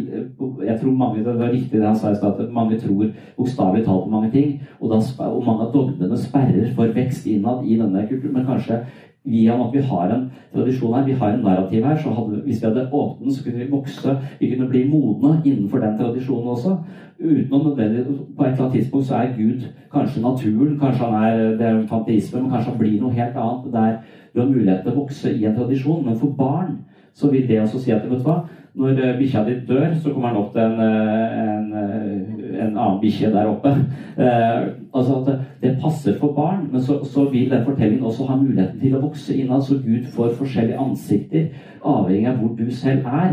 Og derfor så vil, og alle starter på scratch, da, så vi trenger en Gud som bor i en eller annen sky for de menneskene som er på, som er, eller for barn. Eh, og de historiene egner seg for barn. Men Du bør ikke fortelle de samme historiene til voksne, men du kan få lov til å vokse innad i den samme tradisjonen. Det er det spørsmålet. Det lurer jeg på om er mulig. For da har vi den som jeg mener kanskje er at vi har en slags felles narrativ. Og kanskje den narrativen er såpass lik narrativet i andre de store visdomstradisjonene at det hadde vært mulig å Det er utopi-ideen som han ikke tror på. Det er ikke sikkert jeg tror på det selv heller. Eh, men, men jeg, jeg, har diskutert mye med disse pastorene. Er det Ja, og, og, og hadde vært plass til en sånn åndelighet som jeg ville være for, som, som, ville passet meg. da. Kan du snakke et språk som jeg vil, kan forholde meg til, og som kan gi meg eh, en annen øh, Stimulere min type åndelighet? For jeg vil ikke tro på jomfrufødsel eller eh, oppstandelse, annet enn selve i en sånn psykologisk forstand. Men det vil de ikke. for hvis de er redd for at hvis de tar vekk alle, i hvert fall de frikirkemiljøene jeg har vært, for de er redd for at hvis de fjerner, da, får, da blir det helt borte. Da blir det, noen, da blir det bare suppe. Da blir det ingenting igjen. da. Uh, tror jeg de, de, tenker hvis de tar vekk dommene. Dommene er spillereglene. Det er som at hvis jeg, Når jeg spiller uh, spill med barna mine, så, så forholder det seg til reglene. Det er totalt meningsløst. Dritkjedelig. Uh, så det er nødt til å ha noen regler. Altså, homofili er feil. Så hvis du er homofili, da er det riktig tilbake til start. så du må ha disse reglene for at spillet skal bli meningsfullt. Men jeg er ikke sikker på om du trenger så mange regler, for at det kan være til et vers modne, tålelig spill med litt mer diffuse regler. Jeg vet ikke.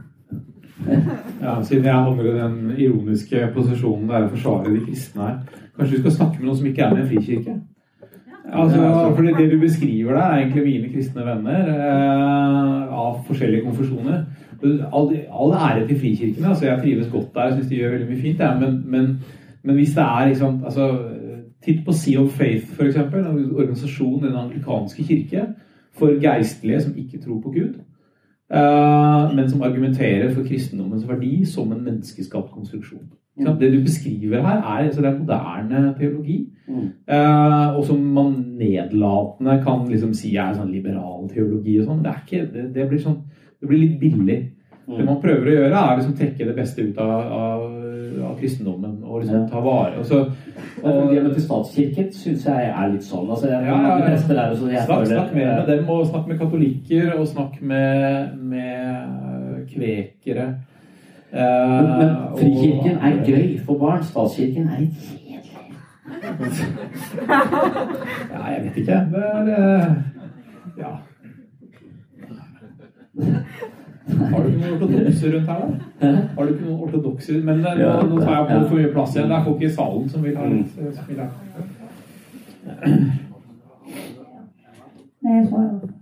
Jeg tenkte jeg skulle spørre Sondre. For det med religionens verdi er humanetiker. Og ser ganske ofte mennesker som har slitt i årevis, både med rus og psykiatri. Og så finner de Jesus eh, og blir friske. Altså de eh, rusmisbrukere forsvinner, trangen forsvinner. Mennesker med tunge psykiske lidelser de blir òg eh, friske på et eller annet vis. Og så tenker jeg det må jo være en voldsom kraft i den troen. Ja. Eh, og det forbauser meg. Jeg, jeg så tenker mange ganger hva er det med denne religionen som gjør at eh, mennesker som egentlig er fortapt av systemet, plutselig kan eh, bli frisk på et eller annet vis? Har du tenkt på det noen ganger? Ja, da tenker jeg med en gang på uh, Viktor Frankel og 'Man's Search for Meaning', som jeg syns er flink til å snakke om, om de tingene. Så, så, at vi Jeg tror Sartre i historien om Brené også at det, konsentrasjonsleiren idet du på en måte mister enten det er kommunisttroen på kommunisme eller en av større idé. Idet du ikke mister den troen, så dør du. Uh, på en måte, Så det er en veldig kraft i denne søken etter en større mening. Så, så hvis Freud snakker om at vi, vi motiveres av sex, så snakker Nietzsche om at vi motiveres av makt. Og så snakker Viktor Frankel om at vi motiveres av mening. Og det å finne mening i livet, det å investere mening i livet, det er vår fordømte oppgave ifølge Sartre. Og der der har jo de igjen et ganske tilrettelagt system for en mening som kommer, uh, kommer, utenfra. Så min erfaring er også det. altså Alle mine venner som har ruset seg for mye har jo, og klart å stoppe, har jo enten begynt å snakke om Gud hele tida, eller sykle fram og tilbake til Hovden. Uh, så de ble enten superaktive, eller så blir de superkristne. Og da virka de bedre som narkomane, for å være ærlig. Jeg syns det var mye mer spennende å snakke med da.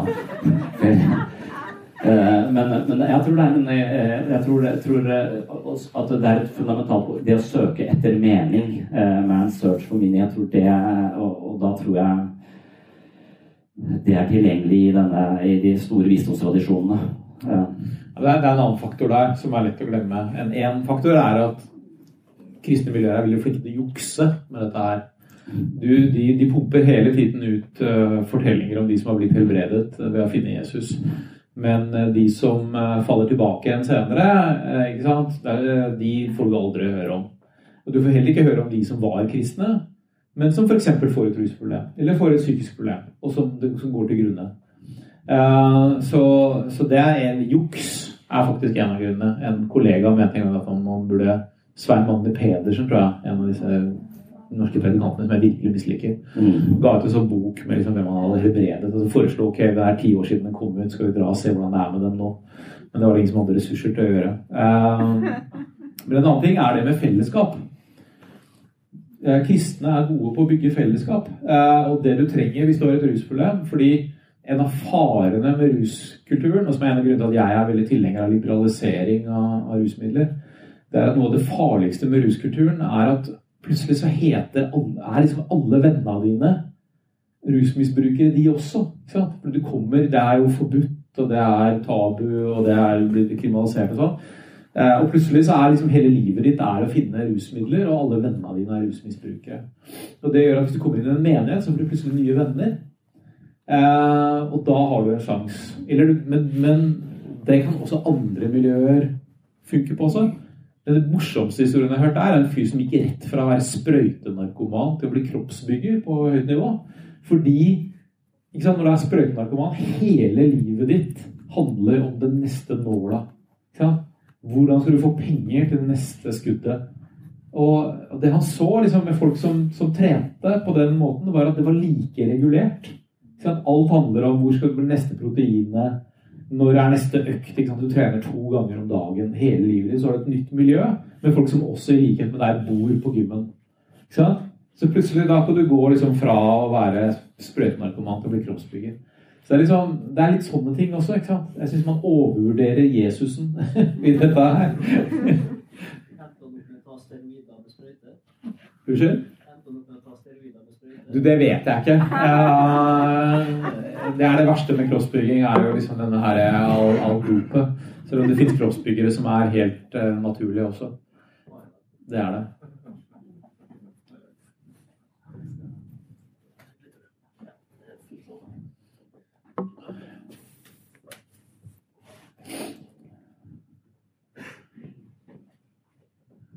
Ja, og vil jeg si at det er veldig interessant å høre på dere. Uh, og for det andre vil jeg si Didrik, at eh, du og kjære Edel var utrolig tøffe på halloween. ja, jeg og en venninne hadde kledd oss ut som uh, Hva heter han igjen? Uh, Nei. Ja, Jan Have, jeg var Jan Havevold, og hun var Helene Harepus. Eh, så det var sånn, det føltes helt herlig hvor en liksom, aktiv i Kristelig Folkepartis Ungdom og en som jobber i Humanitisk Forbund, gikk sammen å, om å kle seg ut som eh, den skumle Jan Hannevold. Takk for det. Så har jeg jo Du et spørsmål fra Sondre som kom opp veldig innledningsvis, som ikke har blitt besvart. Mm. Eh, og det var hva deres eh, ja, Hva dere synes er de mest interessante og beste argumentene for kristendommen. Eh, og, ja. Så det vil jeg gjerne høre om dere har noen tanker om hva som eventuelt er et godt argument for Gud eller Jesus.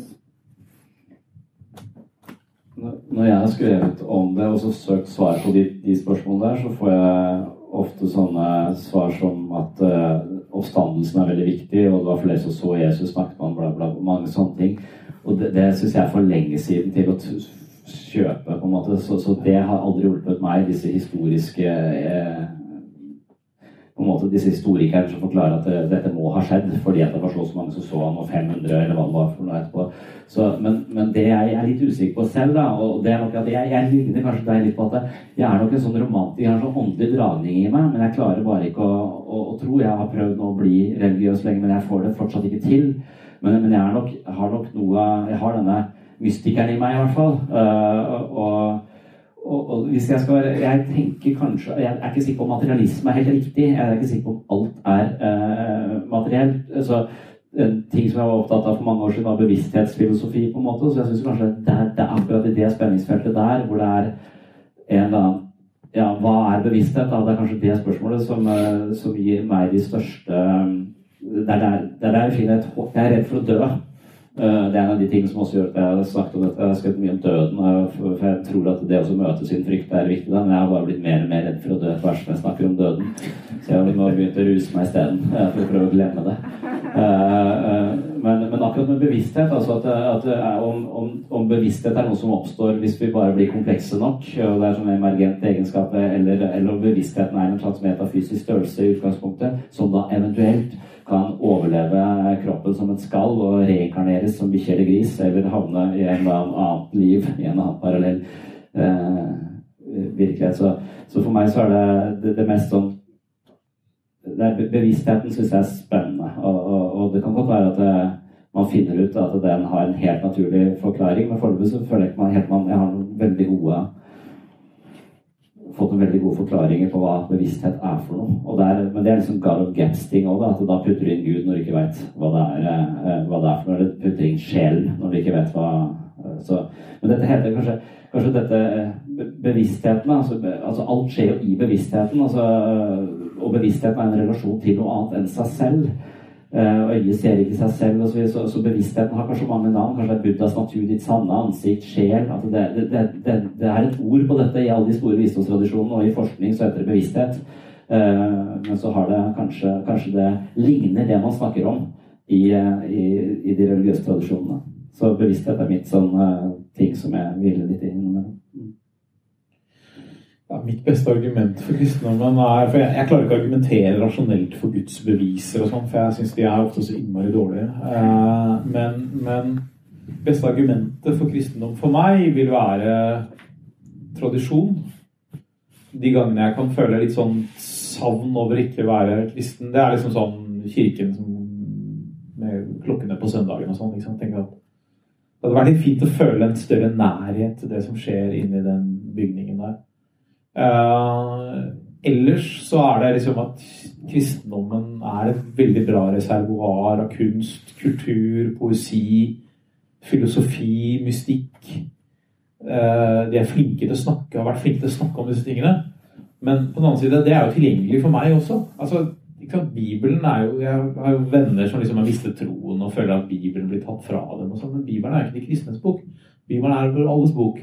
Uh, og samme med alt det som er produsert av kristen musikk og litteratur og alt sånt.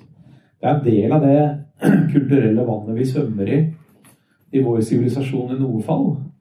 Så om jeg er kristen eller ikke, er egentlig litt sånn uvesentlig. Dessuten så har jeg et sånt privilegium også jeg tenkte noen ganger, hvis jeg, hvis jeg var kristen, hva slags kristen ville jeg vært da? Og jeg syns det er så mye fint med mange forskjellige kristne tradisjoner. Liksom både kveker og pinsevenner og ortodokse lutheranere, liksom. Sånn at jeg, jeg, jeg syns det er litt sånn befriende å slippe å finne ut slags kristen jeg skulle vært, faktisk. Det ville jeg måtte velge bort så mye fint. Hallo? Hallo? Eh, Det var snakk om å kjenne på smerte. Eh, Det er noe jeg har vært veldig nysgjerrig på sjøl. For mange ganger mitt numen i mitt liv hvor jeg har mista meg sjøl med å prøve å finne hjelp gjennom psykologi eller religion og andre ting. Og da jeg sjøl har eh, ikke fått noe hjelp, så har jeg gått og kjent på mine egne følelser, gått inn i mine egne. Og virkelig gått inn i dybden og finne ut hvor er følelsene mine. Andre, så jeg kjent at det legger seg forskjellige steder i kroppen. Og jo mer jeg dypt går inn i det, jo mer kommer det fram at eh, det blir oppløst av jo mer jeg ser innover. da, Og jo mer jeg ser inn eh, og kjenner på smerten, da det kommer ut i sorg eller grining eller skriking eller fortapelse av at jeg er redd for å dø og alle disse sterke, store følelsene jeg føler. Så istedenfor å tro at jeg kan finne ut intellektuelt av de, så går jeg inn i de og føler den fortapelsen og den smerten da, over at jeg aldri kommer til å finne ut av det. Og da føler jeg en slags nysgjerrighet våkne opp da. Det kan kanskje kalles naivt, men jeg får en slags gledesrus av da å kjenne på den smerten, og da den blir forløst i en slags absurd glede. da.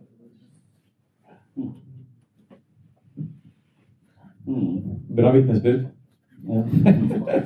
Halleluja. Det, ja, nei, det er meg om Ellen Watts som snakker om eh, eh, at det å ønske seg positive opplevelser er en negativ opplevelse. Og det å akseptere en negativ opplevelse er en positiv opplevelse.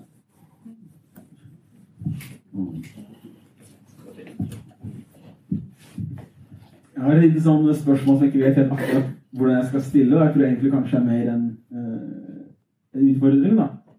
Opplever at vi snakker veldig mye her om uh, religion som et gode, religion som et onde.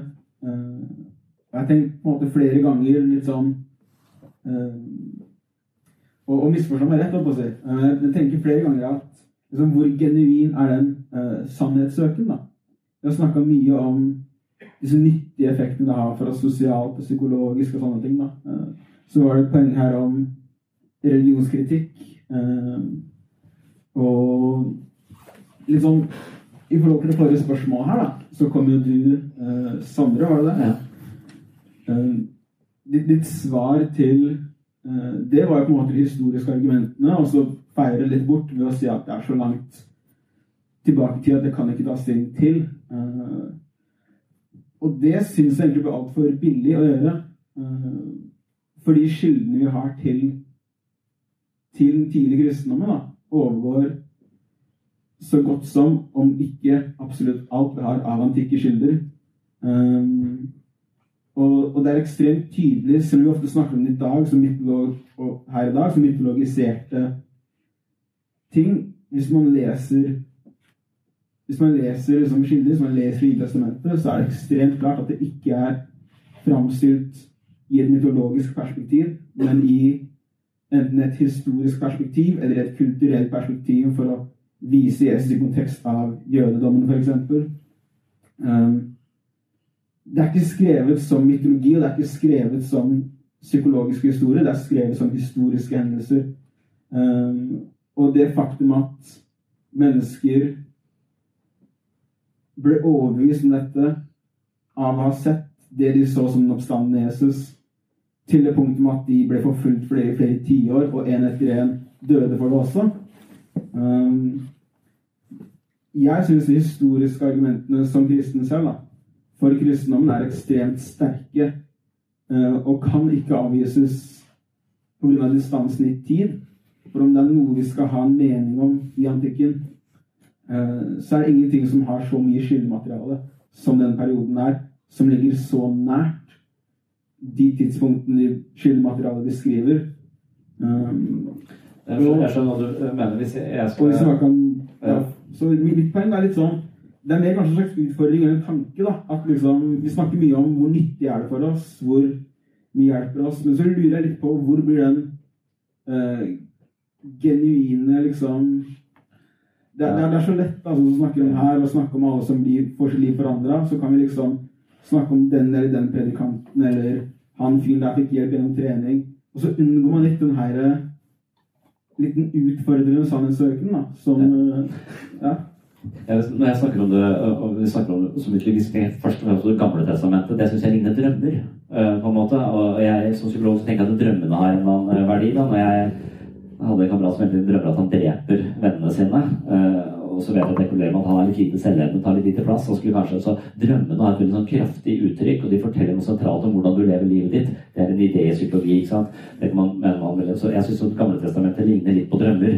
Eh, på en måte universelle universets drømmer, kan man si. da, Eller kosmiske drømmer, nærmest. Så, så, så, så det er det med Det nye testamentet, som du sier der. Det, det, jeg er litt enig i at det er en slags intellektuell latskap ved meg. fordi jeg har, eh, jeg har lest flere bøker i forbindelse med at jeg har skrevet dette om det. Eh, Jeg har snakket med mange eh, apologeter om akkurat det der. Det forklarte meg alle disse Hvordan disse fortellingene henger sammen eh, videre. Men, men så, så hører jeg også det motsatte. Så når er de skrevet? Altså Det er 80 år etter Jesus død, eller kanskje 120 år etter, så avhengig av de forskjellige eh, evangeliene osv. Så, så, så hvis jeg skulle nå skrevet noe om noe som skjedde for 80 år siden, eh, så hadde jeg googla det, sannsynligvis. Eh, Men, men det kunne de jo ikke på den, den tiden. Så, så, så, for meg så er det Jeg har ikke, ikke klart å bli overbevist enda, men jeg er heller ikke helt innforstått. Jeg har ikke lest all litteraturen på det, men jeg, jeg synes bare det, det skal vel Jeg har brukt mange timer på å prøve å bli overbevist på den måten her, men jeg har ikke klart det, altså. Kan jeg bry- bryte en annen del, sier jeg direkte feil. Ingen evangelier er skrevet 107 år etter. Eh, Ja, hvis Jesus står i- er- Det er at det seneste er skrevet ca. 80-90 år etter. Man Ja, okay. å datere. Ja, 80 da, det er rett, da. 80 år, Absolutt, ja. absolutt seneste er Johannes evangeliet, som er datert til rundt år 90. Mm. Og det er jo 60 år etter Kristus. Mm. Um, og hvis du tar for eksempel um, Tar du Markus evangeliet, da, som er det tidligste evangeliet, så er det litt sånn um, Der er man uenige. Um, da vanligste dateringen er det rundt år 60, som er uh, 30 år etter. Ja. Som er altså ekstremt tidlig i historieskriving generelt for den tida. For historieskriving var ikke vanlig i, i nær kontekst i tid. da. Ja. Uh, og selv, og selv den ja. Mm. uh, regner med tar for gitt at det den forteller, ikke er sant. Ja. Det er bare å sette hjernen overbevist. Hva tenker du, Didrik? Er du uh... Altså, jeg, jeg også kjenner også en del av disse argumentene ganske godt. Ikke sant? Er Sånn, ja, altså, det at kvinner blir de første som vitnet om Jesus, er utypisk for sin tid. Og, altså, jeg, jeg er enig Jeg tilhører den, den majoriteten som mener altså Historiefaget er jo mainstream og mener at Jesus har sannsynligvis vært en, en levende person. Jeg synes det er snodig å skulle tro at et område som produserer profeter på løpende bånd, at akkurat han var noen noen skulle ha jugd i hop.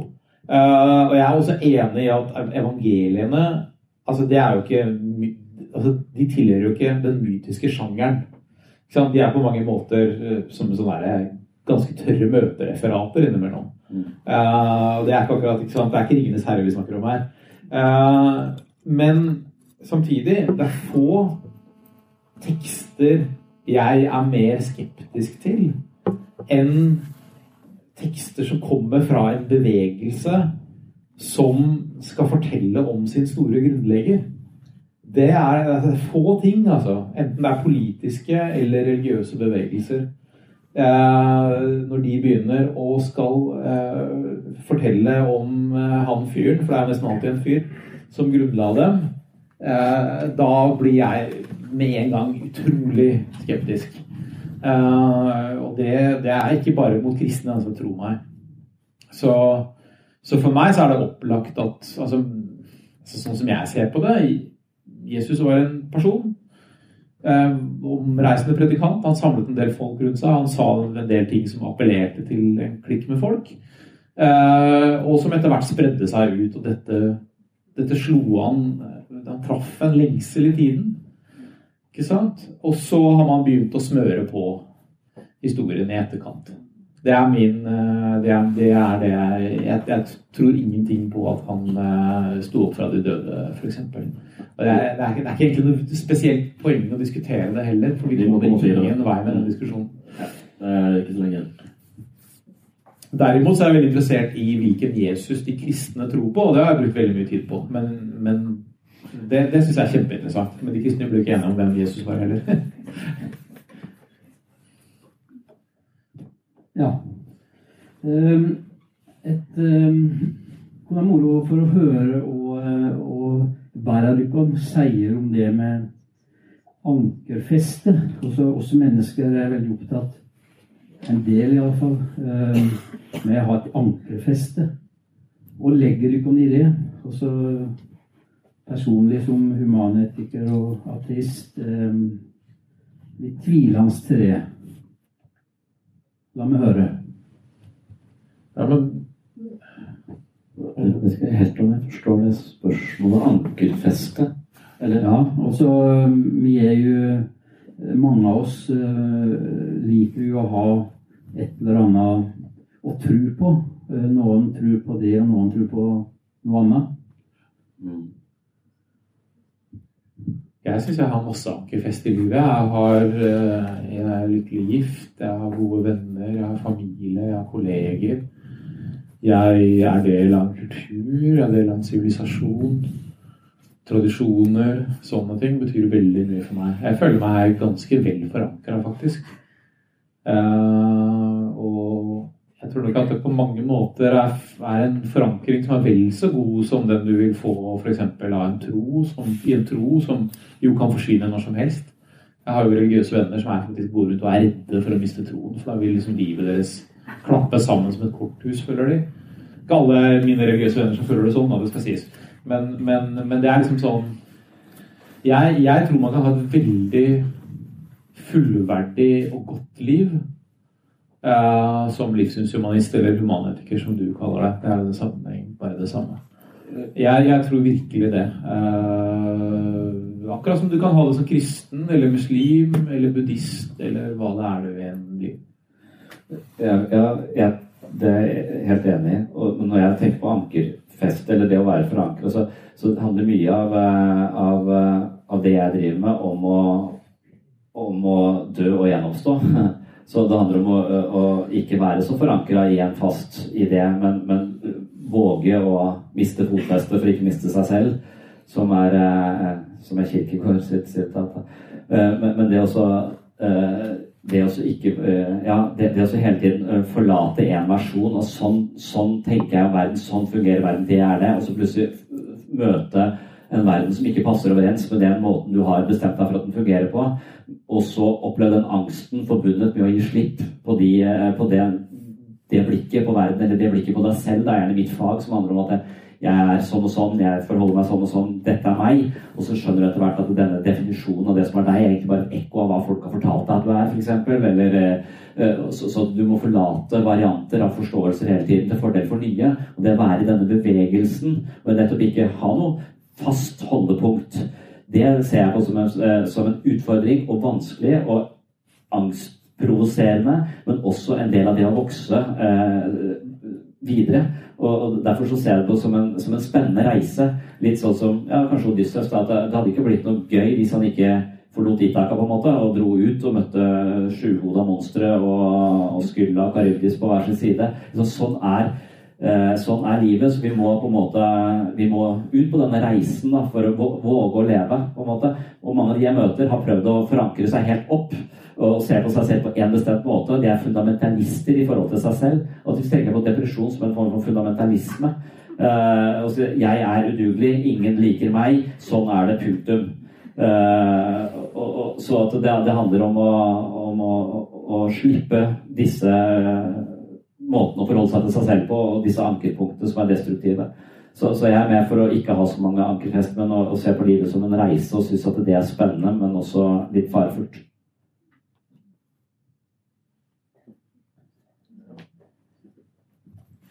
Eh, ja, eh, hei. Eh, jeg vil bare gå litt tilbake til det som var i starten, med dannelse og myter og fellesskap. Først vil fortelle en liten morsom faktaopplysning, og det er at Eh, flertallet av britisk ungdom eh, sier at Jesus Kristus har hatt mindre påvirkning på livene deres enn Luke Skywalker. Så det er mulig å erstatte nye eller gamle historier med lange røtter med nye helter og myter. Eh, og lage et fellesskap. En annen ting er at jeg mener ikke at historien om Noahs ark er god dannelse. Jeg mener ikke det er bra at barn leser i en bok at en entydig god Gud dreper alle menneskene på hele planet. Det syns jeg er dårlig dannelse. Eh, som en som var oppvokst med en veldig alternativ mor, som dro meg til akuntøren før hun dro meg til legen, så skjønte jeg veldig seint i livet, men med god hjelp fra Yngve her, eh, kamerat, at akupunktur er bare tull. Og da var det det som er forankringen for at jeg kan si det. Det er tung tysk vitenskapelig forskning som gjennom to forsøk sier at det bare er placebo. Så jeg vil heller ha eh, myter som Eller hva trenger vi myter når vi har på en måte en virkelighet som kan åpenbare seg gjennom og systematisk og grundig tilegne seg kunnskap om hvordan verden fungerer. Må vi ha disse mytene som en del av en fellesskap? Jeg vet ikke. Det er, det er foreløpig ingen Star Wars-fan som jeg vet om, som har krasja flyene i høyhus, da, for å si det sånn. Selv om de kanskje kan være litt rare og ekstreme, noen av de. Eh, og det er der dimensjonen med religionen og mytene det blir så farlig, fordi etterlivet er så ekstremt fristende, og av og til også blanda inn i vold. Og selv også ideologier som ikke har noe med religion å gjøre, som nazismen, hvis man hadde sett på det man nå vet om genforskning, hvor 99,9% av alle eh, mennesker har de samme genene Det er bare en bitte liten altså en bitte liten del som eh, ikke er en felles. Så hadde ikke de hatt noe argument. Man visste ikke like mye på den temaen. Så det, jeg, jeg, skjønner ikke helt hvorfor vi må ha disse kosehistoriene. Eh, jeg vet ikke om det om noen vil kommentere på det. Det er bare en refleksjon. Ja, jeg, jeg, er helt enig nesten at du, at du sier det. Så hvis du trenger kosehistorier, så er det fordi de ikke er fysisk, faktisk sanne, men mer sånn skal vi si fenologisk sanne. Så, så, så, det, det, vil være at hvorfor har vi eventyr? For troll fins ikke. Eh, nei, men, men troll er kanskje på en måte en slags eh, folkets forståelse av eh, Det kan kanskje være i en psykologisk fortolkning sammen, så er trollet følelsene dine du ikke setter navn på. Når du ikke har navn på følelsene dine, så går de i hjertet ditt, og så får du vondt i magen, og så er du urolig, og så vet du ikke hva det handler om. Så det å sette navn på trollet handler om å på en måte sette ord på, sitt, på noe av det som foregår inni meg, sånn at det slipper tak i hjertet, og jeg kan forstå det istedenfor at det blir angst som setter seg som en klump i brystet. Uh, så, så det måtte være fordi at drømmer også eh, vekker oss på en annen måte. Jeg kan vite at jeg skal være sånn og sånn og sånn, og sånn, men det er først når jeg drømmer dette marerittet om at jeg mister barna mine, eh, det er da jeg skjønner at oi, nå har du kanskje vært litt for opptatt av å skrive bok og litt for lite opptatt av, av barna dine. Og det vet jeg, for jeg har jo eh, underviser i utviklingspsykologi, så jeg vet hvor viktig det er å passe på å bekrefte og, og alt det der. Og der. Men, men, det er først når drømmen i et mareritt våkner og kaldsvetter, det er da det går inn i meg. Så historiene treffer meg i hjertet, på en måte. Så hvis de, de, har noe for seg, så er det fordi at de, eh, de snakker til meg på, på, en mer effektiv måte enn eh, fornuften gjør. For fornuften, eh, den føler jeg er litt svak. Jeg tror noen av disse ateistene har litt for stor tro på at mennesket er så rasjonelle og fornuftige. Altså, jeg syns det ligger for mye til Sam Harris. Jeg tenker Hvis alle hadde vært som Sam Harris like rasjonell som han, så hadde det vært helt greit. Men ingen er det. Han er helt ekstrem, på en måte. Uh, så, så vi, jeg tror vi ikke skal fortelle myter til barn som skremmer, eh, som skremmer dem, eller uh, at syndeflod altså, syns jeg høres Men men i den grad vi har det, så er det fordi at vi, de, de snakker til oss på et annet nivå, eventuelt. Jeg, men jeg syns også hans masse av mytologiene i religion vil være Det er derfor de har skrevet om disse bøkene for barn, eh, med bilder og hyggelige ting. noe søk. Ja. Altså, jeg er veldig uenig med deg. Uh, du er ikke et dannet menneske hvis du ikke kjenner historien om Noahs ark. Uh, den har uh, Det er en urhistorie i vår sivilisasjon som strekker seg tilbake til Gilgamesh-mytosen. Uh, og den har inspirert enorme mengder med billedkunst, musikk osv. som er viktige deler av vår kultur. Hvis du ikke kjenner historien om Noahs ark, du trenger ikke lære deg som sjuåring, hvis du ikke kjenner den historien, så er du ganske ikke et dannet menneske. Uh, det andre er det der med Star Wars. Der, der gjør du to veldig alvorlige feil, syns jeg. Den ene er å sette Star Wars opp mot opp. Ene er å sette Star Wars opp mot tradisjonell mytologi. Star Wars er tradisjonell mytologi. Star Wars er basert på teoriene til en av hans favoritter, Joseph Campbell. Hans bok 'Hero with a, Hero with a Thousand Faces'. Alle figurene i Star Wars er klassiske, mytiske figurer, bare puttet inn i en sånn romopera. Og det er en av grunnene til at folk suges inn i det. Det er vår sivilisasjons urmyter, bare fortalt på en litt annen måte. Og så er det det at ingen Star Wars-fans har Altså, Star Wars er en av hjørnesteinene i det vi kan kalle nerdekulturen. En av de siste bøkene jeg leste, og en av de mest skremmende bøkene jeg har lest på en stund, den heter 'Kill All Normies'. Skrevet av en amerikansk uh, dame som heter Angela Nagel. Uh, den handler om nerdekulturen, og hvordan nerdekulturen ga oss Trump. og hvordan nerdekulturen ga oss altså Undertittelen er jeg tror det er 'Nerd Culture'. 'Internet Culture from 4chan to the alt-right'. den moderne høyreekstremismen er i veldig stor grad drevet av nerdekulturen. og den var sentral i å gi oss Trump.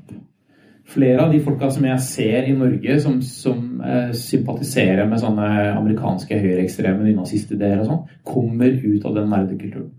Så Star Wars-greia er akkurat like farlig eh, som tradisjonell religion er.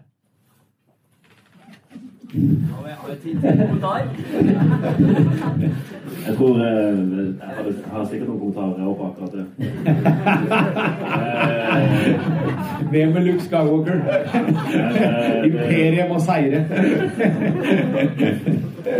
Vi må rett og slett si oss litt fornøyde med kvelden, Tore. Eh, det var veldig hyggelig. Det ble en, eh, en gøy samtale med Den gikk ganske greit. Jeg slapp å si så mye. Så det er helt, helt supert, det. Eh, disse gutta her har jo selvfølgelig eviggjort sine tanker, sånn at eh, ikke de har helt meningsløst liv. Da er noe av de som fortsetter etter de dør. Eh, Didrik har skrevet 'Presten og ateisten'. Har lest. En veldig fin bok.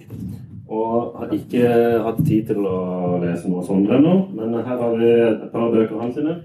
De kan dere få kjøpt bak her nå. Ja, og så har jeg den boka som kommer, som handler om det vi snakker om i dag. 'Psykologens journal', som det heter. Som er mitt møte med de store spørsmålene og mitt, min innpass i de religiøse miljøene. Som, heter, så, så man kan skrive seg på liste, og da vil man få en signert eh, versjon i posten eh, når den kommer ut eh, på sensommeren. Kult. Tusen takk til dere, og spesielt tusen takk til dere.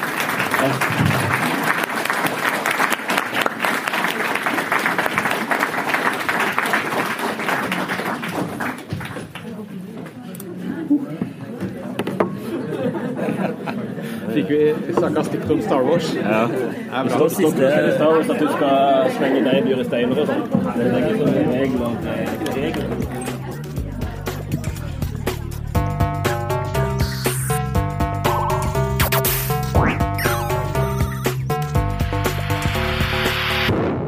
Takk for at du hører på Sinnsyn.